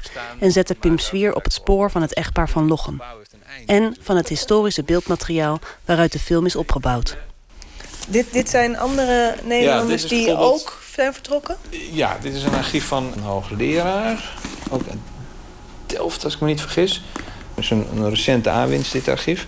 Die heeft in de jaren twintig heeft hij, eh, gaf hij les in de Sovjet-Unie aan allerlei... eh, tot mijn verbazing had ik eigenlijk ook nooit ge- geweten dat dat op dat moment mogelijk was. Er was gewoon werk om te doen. Er was werk, ja, Ja. precies. En, en, er, en er ontbraken specialisten op veel terrein. Ja. Goed, waren dan wel bijna altijd, niet altijd, maar wel vaak mensen die natuurlijk toch een affiniteit hadden met het land. Want het was, je moet ook bedenken, het was een, een dat komt in de film ook heel mooi terug.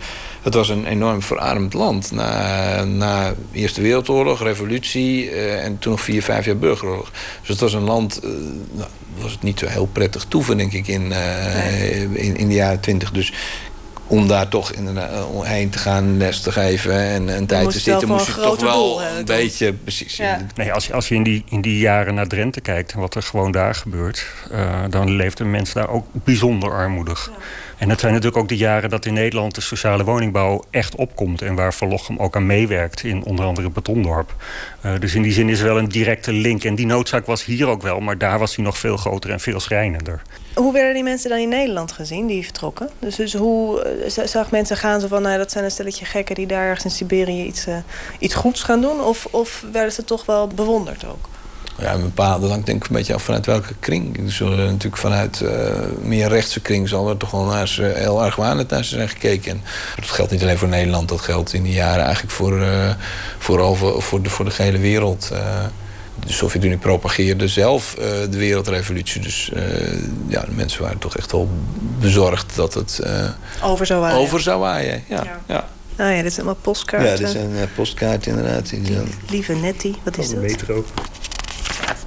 Het weer in Litouwen. Onderweg. Het weer, ja. Taxi. Regen, plassen. Ik begin te denken dat mijn oma misschien niet zo heel gek is. Die bewaart echt alles. Dat is eh, heel wijs van de. Zulke soort mensen zijn wij eh, heel blij bij. eh. Je weet nooit, dat is het hele punt, je weet nooit van tevoren wat interessant is voor, ehm, Historici. voor ja. historici. Ja. Nou, ja, voor historici of gewoon voor mensen die een, een, een kwart eeuw later of een half eeuw later hebben geleefd. Dat zijn ook weer die brieven.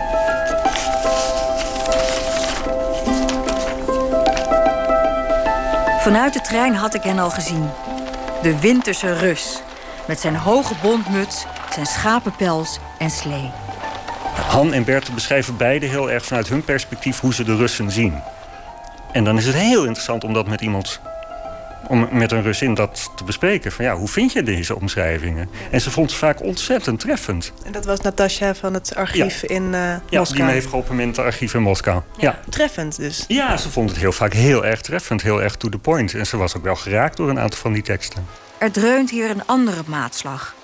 Ze weerklinkt meer in de harten dan in de hoofden en zet tot daden weinig aan.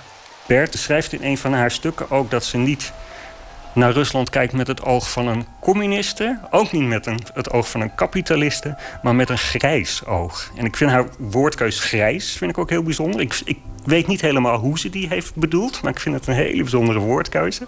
Maar zij kijkt gewoon met een hele andere blik naar Rusland. En ze zegt ergens, en dat, dat, volgens mij komt dat ook twee keer terug in de film... dat daar zo weinig schijn is. Hoe interpreteer je dat? En misschien is het deels herkenbaar. Misschien is dat ook mijn, wat mij naar Rusland trekt. Uh, sinds twee jaar reis ik zelf veel meer heen en weer. En probeer ik ook. Eigenlijk ben ik continu bezig om weer een nieuwe residency te vinden. zodat ik weer een paar maanden daar kan verblijven. Het is een veel directere samenleving in zekere zin. Uh, het is inderdaad minder om de schijn. Het voelt veel meer dat dingen. Um, gebeuren omdat ze noodzakelijk zijn. Er is een continue voedingsbodem om iets te moeten doen of ergens op te mo moeten reageren. En ik idealiseer het zeker niet, maar als inspiratiebron en voedingsbodem is het ongelooflijk rijk. Altijd tintelend licht, uren aan uren door de dicht bezaaide bloembodem. Geen menselijk leven. Nu en dan een paar adelaars, die lange tijd boven ons meecirkelen. Ze versterken in ons het besef van de eindeloosheid van dit prachtige land.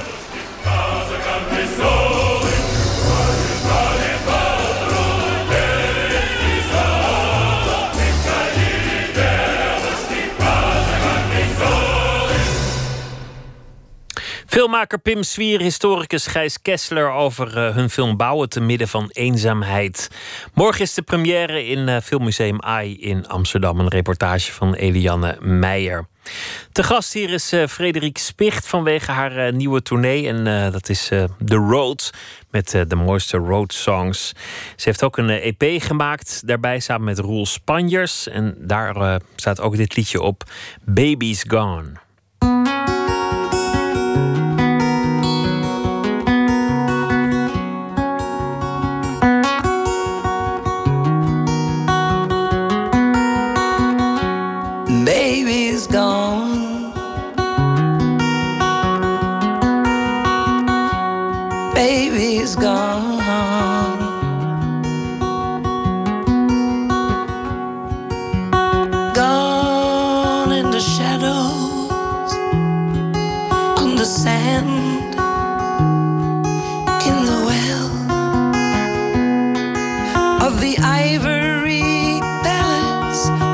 Jezebel. Baby's gone.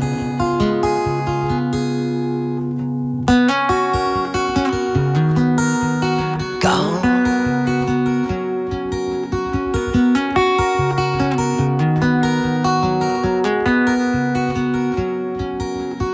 Gone on the waves with the wind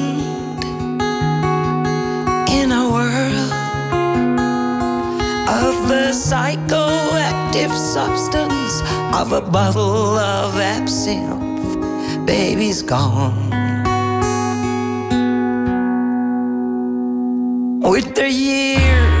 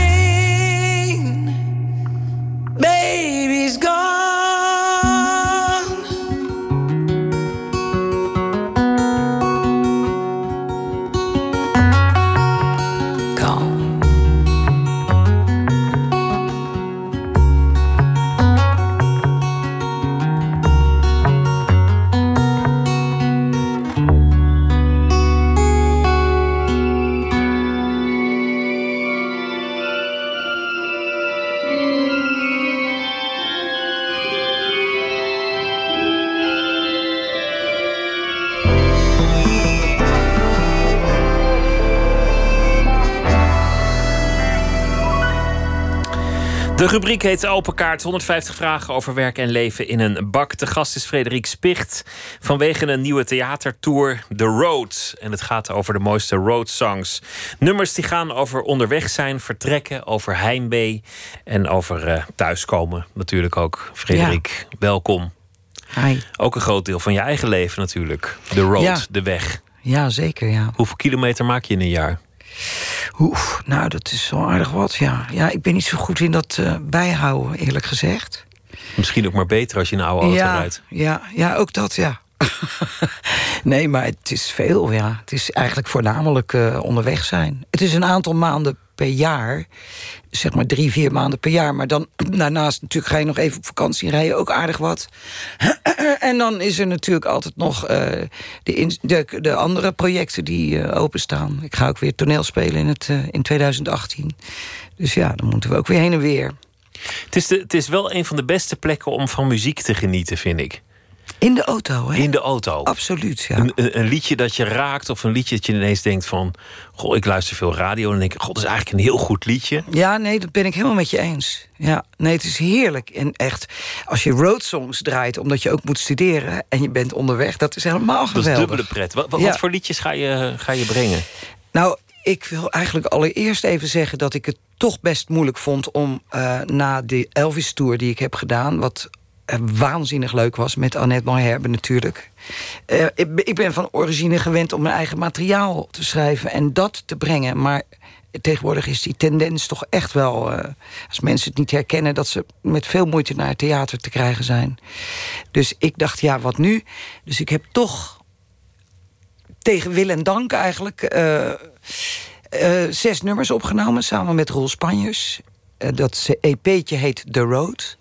Daarnaast heb ik ook nog, omdat ik dacht, eh, er moet iets gemaakt worden. Want we worden een gemene deler van een gemene deler. En dat vind ik verdrietig, snap je? Het is toch een tendens waar ik van denk, wie maakt er nog iets? En eh, weet je, als je blijft papegaaien, noem ik het altijd maar... dan wordt het zo'n zo'n holle pijp waar we met z'n allen naar luisteren. Dus ik heb samen met Roel Spanjes en Bart Wijdman van Okkelbar... hebben wij zes nummers opgenomen. Daarvan zijn er een aantal te horen in het theater. En daarnaast hebben we een stuk of twintig roadsongs bewerkt. En ik wou ook nog vertellen, nu ik toch aan het woord ben... Ja. ehm, dat ik ook nog een drieluik heb gemaakt. Dus drie verschillende hoesjes voor die cd's. Die zijn eh, handgedrukt en gesneden. Lino-sneden zijn het. Eh, omdat er iets gemaakt moest worden, zeg maar. En die verkoop ik eigenlijk alleen in de Kleine Comedie. Eh, dat is 5 november en op 3 november in de Oude Luxor in Rotterdam. En als er dan nog wat overblijft, dan zijn ze te bestellen. En, en die liedjes die je van anderen speelt. The Road to Nowhere zit ertussen. Ja. Dat is er, al, dat is er alvast één. Ja. Wat zijn nog meer je favoriete road songs? Als, je, als jij op, op vakantie zou gaan en je zou voor jezelf een, een playlist maken. Nou, dan, dan de playlist die dan gemaakt zou worden, is, zijn de liedjes die ik in het theater speel nu. Noem eens iets. Nou, bijvoorbeeld eh, The Last Ride van Todd Rundgren. Oh ja. En dat doe ik eh, in een duetvorm samen met eh, Rol Spanjers. Nou, het is echt een huzarenstukje. Het is ontzettend moeilijk om het eh, tweestemmig te zingen, vinden wij. En het, is ook een soort, het zijn ook een soort liggingen die wij helemaal niet gewend zijn. Maar we hebben het toch opgepakt. En ja, en dat is toch ook heel erg leuk. Je moet toch af en toe even kantelen en out of the box muziek blijven maken. Dus het is ontzettend spannend elke avond. We zijn nog niet zo lang bezig natuurlijk. Maar ook The Doors, eh, Riders on the Storm. We hebben eh, Born to be Wild. Maar dan in een eh, bluegrass uitvoering bijvoorbeeld. Snap je? Dus er is altijd wel iets. Je hebt er wel iets mee gedaan. Het is niet een, niet een coveravondje. Wat vind je leuker, weggaan of thuiskomen? Ik vind het allebei heel vervelend. Weggaan en thuiskomen. Liefst ben je Ja. gewoon onderweg. Ja, eigenlijk wel. Maar ik vind het ook heel fijn om, om thuis te zijn, snap je? Maar het weggaan vind ik altijd moeilijk. Dat gaat altijd toch al met, met de laarzen in het moeras. Door een, ja, met tegenzin eigenlijk. Want ik vind het ook heerlijk om thuis te zijn. Maar als ik dan één keer weg ben en het is fijn... dan wil ik eigenlijk niet meer naar huis. Dus het is altijd best ongewis. Ik las onlangs, dat was iemand, iets van Godfried Bomans. Dat was, die zei, de kunst van het leven is om te leven alsof je thuis te zijn alsof je op reis bent. En dat vond ik wel een hele goeie. Dat, dat is wel een heel goed idee ook, ja. De, Ja. de dingen die mensen op vakantie altijd doen, gewoon thuis ook lekker doen. Ja, en je dan ook zo voelen. Alsof Ja. je dus toch vrij bent. Dus zeg maar ook dit wat ik nu doe, want eigenlijk is dit werk. Dit zou toch, is, moet ook heel leuk zijn, want het is toch een soort. Ja, het is ook een beetje een reis. Het hele leven is natuurlijk een reis. Maar ja. Uiteindelijk wel. Laten we beginnen met eh, de kaart. Ik wil je vragen om er een eh, te trekken en de vraag eh, voor te lezen. Oké. Ben je goed in je werk? Ja. Nou, daar gaan we al. Ik vind dat ik. het is moeilijk om dat over jezelf te zeggen. Laten we zo zeggen dat er een heel, veel heel veel aspecten zijn van mijn werk waar ik goed in ben. Maar een aantal zijn wat minder goed, denk ik. En daar werk ik nog steeds aan. Dat is spannend. Dat maakt het interessant. Als muzikant bedoel je? Zie je nog steeds dat, dat er te leren is? Ja, absoluut. Ik bedoel, in deze nieuwe voorstelling moet ik een nummer bassen bijvoorbeeld. En dat was toch geen sinecure. Het is toch echt wel een vak, bassist zijn. Maar ook heel erg leuk. Ja, dat is dus een heel ben ander ik niet instrument. goed in, maar Nee, ik doe het nou ja. toch. Zo ben ik dan ook wel weer. Zal ik er Laat- nog een ja, pakken? Ja, graag. Welk boek zou je ooit nog willen lezen? Jeetje zeg. Nou, dat zijn er zoveel, denk ik. die ik nog zou willen lezen. Er schiet me nou niet gelijk één te binnen. Er ligt een hele stapel nog die nog niet gelezen zijn en die nog gelezen moeten worden. Maar alle roadnovels heb je wel gehad, denk ik, toch? Nee. On the road en zo. En, eh, Oh, die wel, ja. ja. Ja. Die heb ik overigens weer opnieuw opgepakt, toch? Toen het plan geboren was. Maar ik kon er toch heel weinig mee eigenlijk. Ja, dat gaat voornamelijk over jazz, namelijk niet over rock and roll. Ja, en ik wist ook niet goed hoe ik het moest integreren in het programma. Ik dacht, ja, wat ga ik nou vertellen? nou ja, de sfeer wellicht. Ja, ja. Ik kon er geen plek voor vinden. Maar ik wil nog veel boeken lezen. Is dat goed? Ja, dat is prima. Laten Ja, we nog één doen. Komt, komt weinig van. Meestal alleen in de vakantie. Welk buitenlands gebruik of welke traditie zou je willen overnemen? Ja, dat is wel aardig. Ja, ik heb de laatste tijd wat mensen te logeren... en dan geef ik ze altijd mijn bed. En dat vinden ze... Maar dat komt ook omdat ik alleen leef, dus dat is minder moeilijk. En dan hebben ze meer privacy en daar is ook de douche. Dus die heb ik al. En, De eh, master bedroom eh, uitlenen. ja, maar welk buitenlands gebruik ik nog meer zou willen overnemen? Ja, dat vind ik een moeilijke. Ik kom niet zo. Noem jij eens een buitenlands gebruik? Een buitenlands gebruik. Ja, er zijn er vele natuurlijk. Buitenlandse gebruiken. Maar ik zou je er één kunnen noemen nu. Zomaar uit het niets. Ja, een, een ik, buitenlands want gebruik. Dat is, moet ik nu ook doen met deze In kaarten. de siesta bijvoorbeeld. Ja, ja. Maar goed, die daar hebben we het klimaat niet voor. nee. In Portugal, als je een restaurant binnenkomt... dan krijg je altijd een glaasje witte wijn van het huis. Ja, oh ja, dat vind ik best eh, een goed idee. Ja. Dus toch vriendelijk om je welkom te heten. Heerlijk, ja. In Amerika krijg je altijd een glaasje water. Ja, dat is ook wel goed. Ja. Nou ja, Nou ja, er zijn er vast dingen. legio. Ja, Het leukste is natuurlijk dat, dat wat ik wel mis in, in, nou in Rotterdam en Amsterdam misschien niet zo, maar dat lekkere buitenleven. Maar dat heeft natuurlijk erg veel met ons weer te maken. de volgende vraag. Heb je een fobie? Ah, Ja, die heb ik. Dat, en ik ben echt dol op allerlei, eh, op alles, alle fauna eigenlijk, behalve maden. Als ik die tegenkom, dan krijg ik wat mensen bij spinnen hebben. daar ben je echt heel bang voor, dat voor vind ik maden. verschrikkelijk, ja. Dat zal toch ook wel met sterfelijkheid te maken hebben. Ik vind het afschuwelijk. Ik, ik las ook, ehm, eh, omdat ik me natuurlijk verdiep in alles wat met weg te maken heeft. De weg van alle vlees gaan. Dat betekent sterven. Dat is ook zo'n gruwelijke uitdrukking eigenlijk. De weg van alle vlees, ja, verrotting en, Ja, en, en maden. Ja, dat dan- is dus iets wat ik niet prettig vind, terwijl ik wil wel begraven worden. Dat zijn allemaal Soms, soms worden, worden maden door dokters gebruikt om je wond te reinigen. Dan, dan, als iemand dan een grote vleeswond heeft, dan gooit de dokter er wat maden in. Dat schijnt heel goed te werken.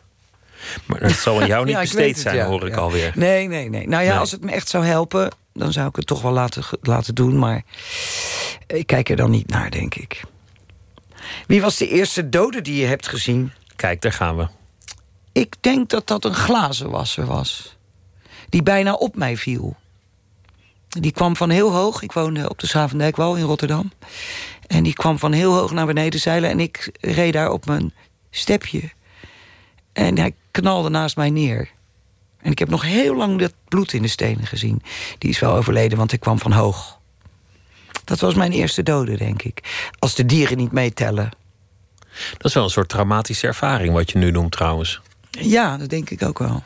Maar ik moet eerlijk zeggen, ik heb niet het idee dat ik er last van heb gehad. Toch Ik gaan was- veel, veel van je eigen liedjes gaan wel over dood. Sterfelijkheid is wel een thema in jouw muziek. Ja, maar niet zozeer negatief of zo, denk ik. Ik denk altijd, als je je niet bewust bent van het feit dat je sterfelijk bent... dan is het leven toch ook helemaal niet leuk. Jongen, je moet er toch echt wel dag en nacht blij mee zijn eigenlijk. Dat je er bent. En die tijdelijkheid ook erkennen. Ja, dat denk ik wel. En, en, maar ik moet wel bekennen eigenlijk dat naarmate ik wat ouder word... dat ik het toch wel snel vind gaan. En dat ik het ook wel probeer van me af te zetten. Ook mensen die om je heen doodgaan. En die dan zeg maar in een ouder-ouder circle zitten. Dat ik dan tegen vrienden zeg... nou, dat wil ik allemaal niet weten hoor. Begrijp je dat ik dus de dood negeer? Maar je komt nu op de leeftijd en je hebt natuurlijk altijd in de rock'n'roll gezeten. Dus Nu zullen de mensen om je heen wel langzaamaan omvallen. Ja, dat gebeurt ook, ja. Ja. We hebben het niet voor het zeggen, hè? Nee. Wat staat er op de volgende? Fantaseer je wel eens over je eigen begrafenis? Nou Wat ja, is dit voor maar een programma? Hoe, hoe kan dit, Frederik, dat jij nou net die kaarten Ja, waarom trekt? trek ik die kaarten nou, ja? Ik fantaseer wel eens over mijn eigen begrafenis, ja. En dan? Druk. Heel veel mensen. Ja. Nou, dat, dat zal wel goed komen, denk ik. Dat zal wel goed komen, maar dan vraag ik me altijd af of ik dat wel wil. Dat al die mensen komen. Ja, dus dat, dat, niet toch, dat ik dat niet liever toch in het, dat het kleiner is. Maar je hoeft de rekening niet meer te betalen. Nee, maar dan vind ik het zo prettig voor die mensen die er nog zijn... dat ze niet met al die, al die fans of weet ik het wie er allemaal komen dan... Ramptoeristen. zich daartoe hoeven te verhouden, snap je? Dat ze Ja. gewoon mij in stilte kunnen begraven. In een kleine groep. Misschien moet ik dat eens een keer opschrijven. Dat zijn ook van die dingen die je nooit doet. Wie, wie er moeten komen en wie niet. Ja. En ik denk ook wel eens dat ik het wel geweldig zou vinden... om in zee gegooid te worden. Van een schip. Een zeemansgraf. Ja, dat lijkt me prachtig eigenlijk. Ja, dat is, dat is best een goede gedachte, denk ik. Maar dat kan alleen als je aan boord sterft. Nou, dat is toch wel te plannen? Je zit te kijken, hè, stiekem. Ja, ik zat wel te kijken. Ik zag het al. Jij was bang dat ik weer een dode kaart zou trekken. Ja, klopt. Wat is een persoonlijke daad van rebellie, rebellie geweest? Oef. Ja, rebellie, dat is eigenlijk... Dat maakt het ingewikkeld. Ik heb heel veel persoonlijke rebelliedaden gepleegd, denk ik. De muziek ingaan, was dat er één? Nee. Ja, ik heb misschien zelf nooit als rebellie... al die dingen die, ik nu, die me nu te binnen schieten... heb ik nooit als rebellie eh, ervaren. Meer eh, impulsen of rebellie tegen wie en wat. Ik geloof dat ik alles mocht. Voor je ouders? Nou, nee, dat is misschien ook niet waar. Maar ik heb dan de dingen die ik deed niet uit rebellie gedaan. Uit noodzaak. Ja, ik denk het, ja. En als anderen zich geschoffeerd voelden, was dat verder hun zaak. Maar dat was niet jouw doel. Nou, dan, dan vond ik dat vervelend voor ze natuurlijk. Maar het was niet mijn doel om iets rebels te doen. Misschien een keer met mijn ogen dicht door een rood stoplicht met mijn motor. Want mijn gas bleef hangen. En dan kijken of ik het ging, ging redden. Dat heb ik een keer gedaan. En dat was wel een daad van rebellie, denk ik, ja. Tegen het leven zelf. Ja, dat was gewoon pure doodsverachting wat je daar deed. Ja, het was echt... Dat heb ik wel gedaan, ja. Dus ik heb toch... Het is toch weer waar. Heb je het type van de harde breuk of van vriendschap met je ex? Ik heb bijna met al mijn exen vriendschap. Dus ik ben van de, van de vriendschap met je ex. Ik heb heel veel vrienden. Heel veel vrienden. Ach, als je dat zegt, is het bijna droevig. Heel veel verloren ja, nee, liefdes. dat gaat wel voorbij, ja, vaak bij mij. Ik heb de laatste was 12 jaar. Daar ben ik eigenlijk nog niet overheen. Maar daar ben ik toch zelf, of daar hebben we samen toe besloten. Het valt ook niet mee, hè? Maar daar hoef je ook nog niet overheen te zijn, omdat je het zelf hebt besloten. Kan je er nog wel verdriet van hebben? Ja, nee, precies. Ja. Dat zeg je goed. Wat moet iemand van je weten om je echt te kennen? Dat zijn heel veel dingen. Dat is bij iedereen zo natuurlijk. Mensen hebben altijd wel een beeld van elkaar, maar dat is toch vaak niet de waarheid. Of de werkelijkheid. Dus ja, dat is een beetje een gekke kaart, vind ik. Nou, nog, nog één dan. Om wie moet je lachen? Om Herman Brusselmans. Ja, dat kan ik me wel voorstellen. Daar moet ik erg om lachen. Maar ik kan om veel mensen lachen. Ik kan ook heel erg lachen om Roel Spanjes, waar ik, mijn toetsenist. Ik, heb, ik vind het erg leuk om... Zonder lachen is het geen leven, zeg maar. Dus ik, ik, ik heb graag een hoop lol om me heen. De tour heet eh, The Road. En eh, die, gaat, eh, die is al begonnen trouwens. de tour die zijn al onderweg. Te zien in alle hoeken van het land. Frederik Spicht, dank je wel. Dankjewel. Veel succes. En mensen die willen weten waar ik woon... of nee, niet waar ik woon, maar waar ik Waar speel... speelt. die kunnen kijken naar www.frederikspicht.nl. Dank je wel. Jij ook. Deze maand raast de popronde door Nederland. Elke weekeinde in eh, steeds een andere stad gratis optreden in kroegen en andere locaties. Een van de optredende acts is uh, Nausicaa en dit eh, liedje heet Oké. two, one, two, three.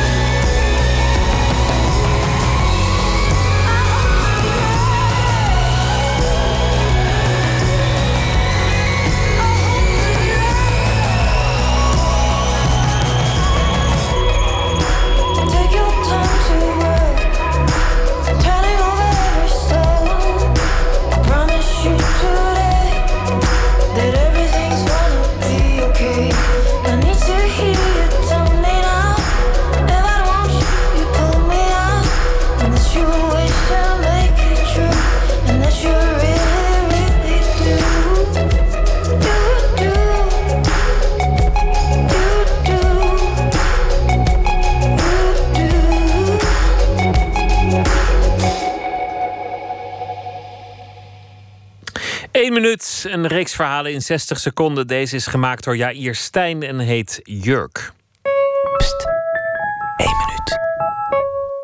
Het woord, dus een losse rok, deze, met een leren bovenband, wit leer. En het is eh, satijn en kant over elkaar. En daaroverheen komt dus dit topje met een hele lage rug. Eigenlijk heel simpel, maar die wordt dus ook van wit leer. Ik heb dus nog een bruidsjurk gemaakt. Die heb ik gisteren afgeleverd. En zij trouwt deze zaterdag. En voor die van volgende week vrijdag ben ik ook nog getuige. Ineens wordt het dan wel zo'n soort van ding... omdat je eh, totaal gedesillusioneerd bent over de liefde. En dan moet je de hele tijd gesprekken gaan voeren met mensen... die helemaal in hun eh, hysterische bruidsjurken en feesten ding zitten.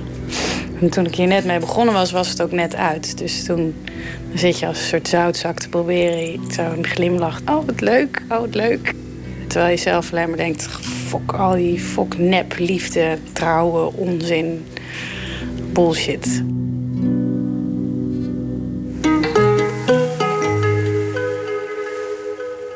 Jona Valk is deze week onze vaste schrijver. Elke dag zal hij een verhaal voordragen bij de dag die achter ons ligt. Geboren in Ulft. Hij heeft eh, gestudeerd aan de Artes Hogeschool in Enschede. En hij heeft eh, ook een album gemaakt samen met eh, Villa Zeno, een band, Selfmade Woman. En zijn eerste roman kwam in 2016, Bontebrug. Jona Valken, goeienacht. Goeienacht. Vertel, wat heeft deze maandag voor jou gekenmerkt? Ehm, niet zoveel eigenlijk. Ik dacht dat ik ziek ging worden. Dus ik heb vooral binnen gezeten en eh, geschreven. Ik dacht dat ik ziek ging worden. Nou, dat, dat, dat schetst al meteen een beeld. Zo'n dag Ja, was het. ik- ja, Zelfs dat gebeurde niet. nee, zelfs dat gebeurde niet echt. Dus het was inderdaad een teleurstellende dag. Ja. En in de wereld, in het nieuws, zijn er nog dingen je opgevallen? Nou, ehm, eh, genoeg. Maar het stukje van vandaag heeft eh, de krant van afgelopen zaterdag. Dat, eh, dat bleef me wel bij. En daar, daar heb ik een stukje over gemaakt. Ga je gang. Ja. Hoe praat ik met mijn kinderen over sterven? Deze lezersvraag legde NRC Next afgelopen zaterdag voor aan twee deskundigen. Bas Levering, hoofdredacteur van Pedagogiek in Praktijk, stelde dat omgaan met de dood ingewikkeld is voor kinderen. En ook, het klinkt cru, maar met huisdieren is het goed oefenen. Huisdieren leven zo kort dat ze de dood van zo'n geliefd dier moeten meemaken. Bespreek de eindigheid van het leven zodra zich een goede gelegenheid voordoet.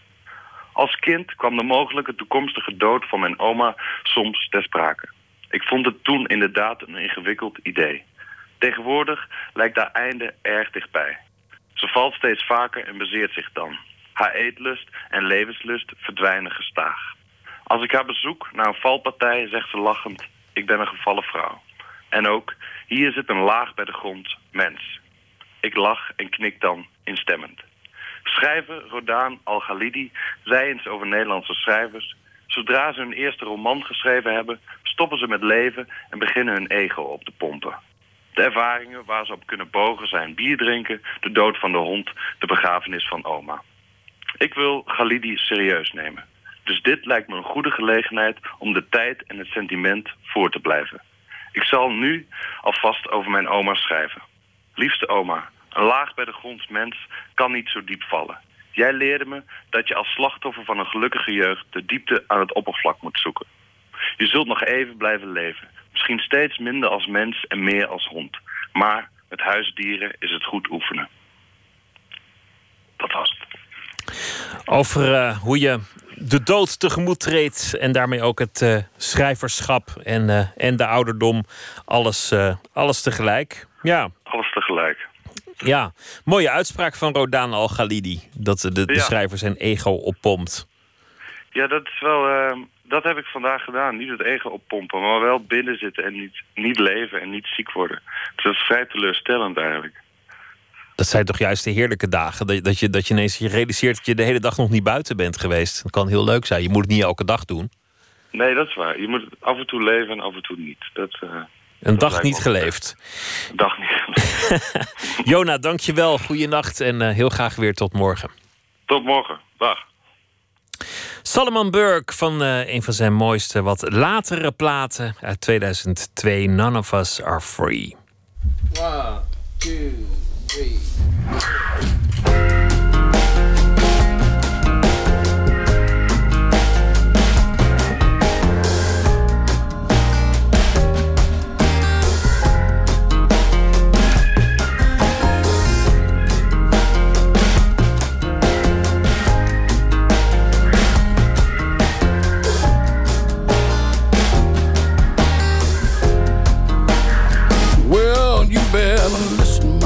Sisters and brothers. Cause if you do, you can hear there are voices still calling across the years. And they're all crying across the ocean. And they're crying across the land. And they will till we all come to understand. None of us are free. None of us are free.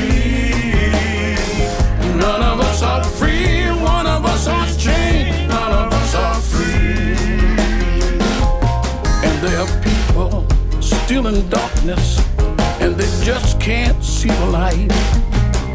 If you don't say it's wrong, then that says it's right. We got to try to feel for each other. Let our brothers know that we care. Got to get the message, send it out loud and clear. None of us are free. None of us are free.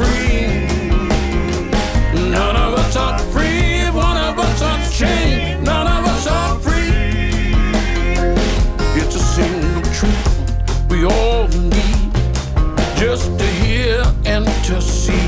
None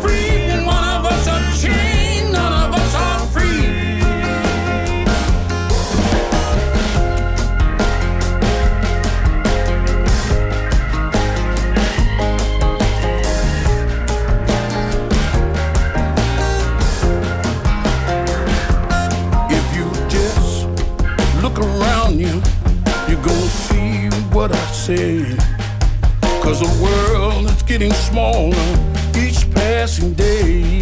Passing day. Now it's time to start making changes. And it's time for us all to realize that the truth is shining bright right before our eyes. None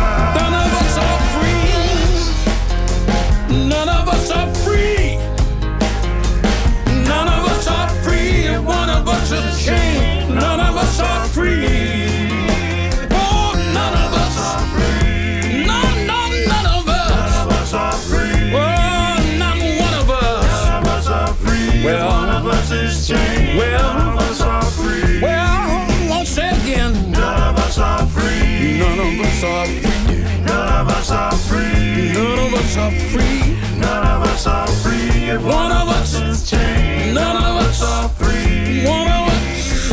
None of us are free. Lord have mercy. None of us are free.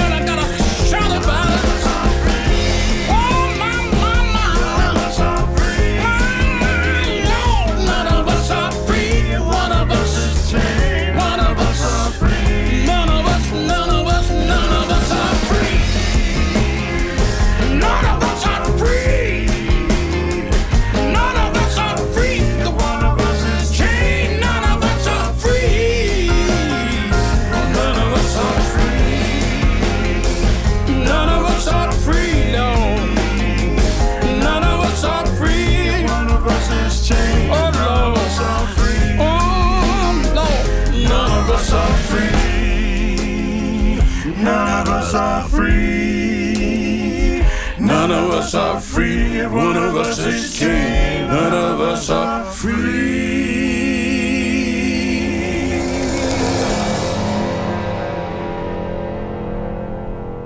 Salomon Burke, de soul-legende die op eh, 10 oktober 2010 overleed op Schiphol. Toen hij eh, naar ons land kwam voor een reeks optredens met De Dijk. En dit nummer was uit eh, 2002 samen met The Blind Boys from Alabama. None of Us Are Free van zijn eh, succesvolle album Don't Give Up on Me. Poëzie van eh, Diet Groothuis. Zij is journalist, schrijver en dichter. En het gedicht dat ze vannacht voordraagt en eh, zal toelichten, heeft als titel Dagelijks.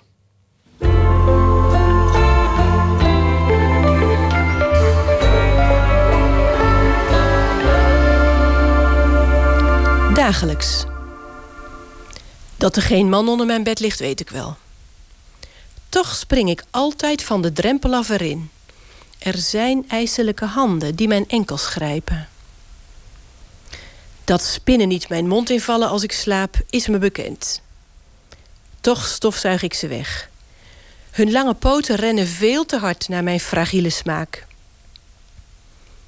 En non-stop blaffen honden in het bos, kwijlen, springen, snuffelen, zelfs die niet bijten. Al die dieren hier, constant op de vlucht, nergens rust. En ik, een ree, op scherp, dagelijks, nooit zeker, overal. Wie is er nou nooit bang? Iedereen wel eens, toch? Voor reële of minder reële dingen. Sommige angsten zijn hartstikke goed. Stel je voor dat een ree of konijn in het bos niet bang voor honden was. Dan werden ze meteen doodgebeten. Dat gebeurt trouwens alsnog veel te vaak, maar in elk geval rennen ze tenminste weg. Vechten helpt in hun geval niet. Zo voel ik me ook vaak. Wie niet, denk ik dan. Dagelijks. Dat er geen man onder mijn bed ligt, weet ik wel. Toch spring ik altijd van de drempel af erin. Er zijn ijselijke handen die mijn enkels grijpen. Dat spinnen niet mijn mond invallen als ik slaap, is me bekend. Toch stofzuig ik ze weg. Hun lange poten rennen veel te hard naar mijn fragiele smaak.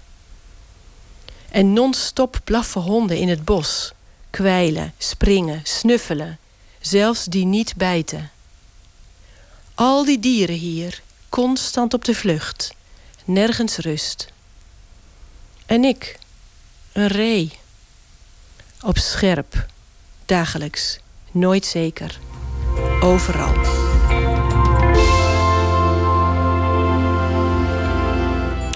Diet Groothuis eh, las het gedicht dagelijks. En daarmee zijn we aan het einde gekomen van eh, Nooit meer slapen. We zitten op eh, Twitter, het VPRO NMS. En u kunt ons ook vinden op Facebook. En u kunt zich abonneren op de podcast. Dat doet u via iTunes of via de website van de VPRO. vpro.nl slash Nooit meer slapen. Morgen in Nooit meer slapen komt Mariam Hassouni op bezoek.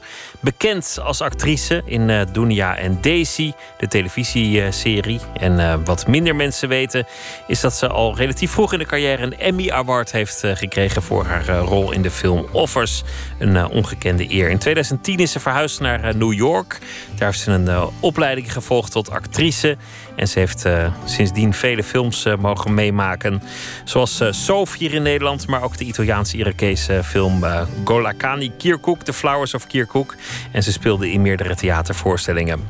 Ze heeft een kinderboek geschreven, Hoekjes van Geluk. En dat is geïnspireerd mede op haar eigen zoektocht naar geluk in een moeilijke periode. En ze is momenteel in de bioscoop te zien in een film Alles voor elkaar. En alsof het allemaal niet genoeg is, is ze ook nog onlangs afgestudeerd in de Engelse taal en litterkunde. Daar een onderzoek naar de rol van identiteit in een uh, postkoloniale samenleving. Allemaal onderwerpen voor morgen dus als uh, Mariam Hassouni op bezoek komt. Voor nu wens ik u een hele goede nacht. En zometeen kunt u uh, genieten van de EO op deze zender. Veel plezier daarbij. Graag weer tot morgen.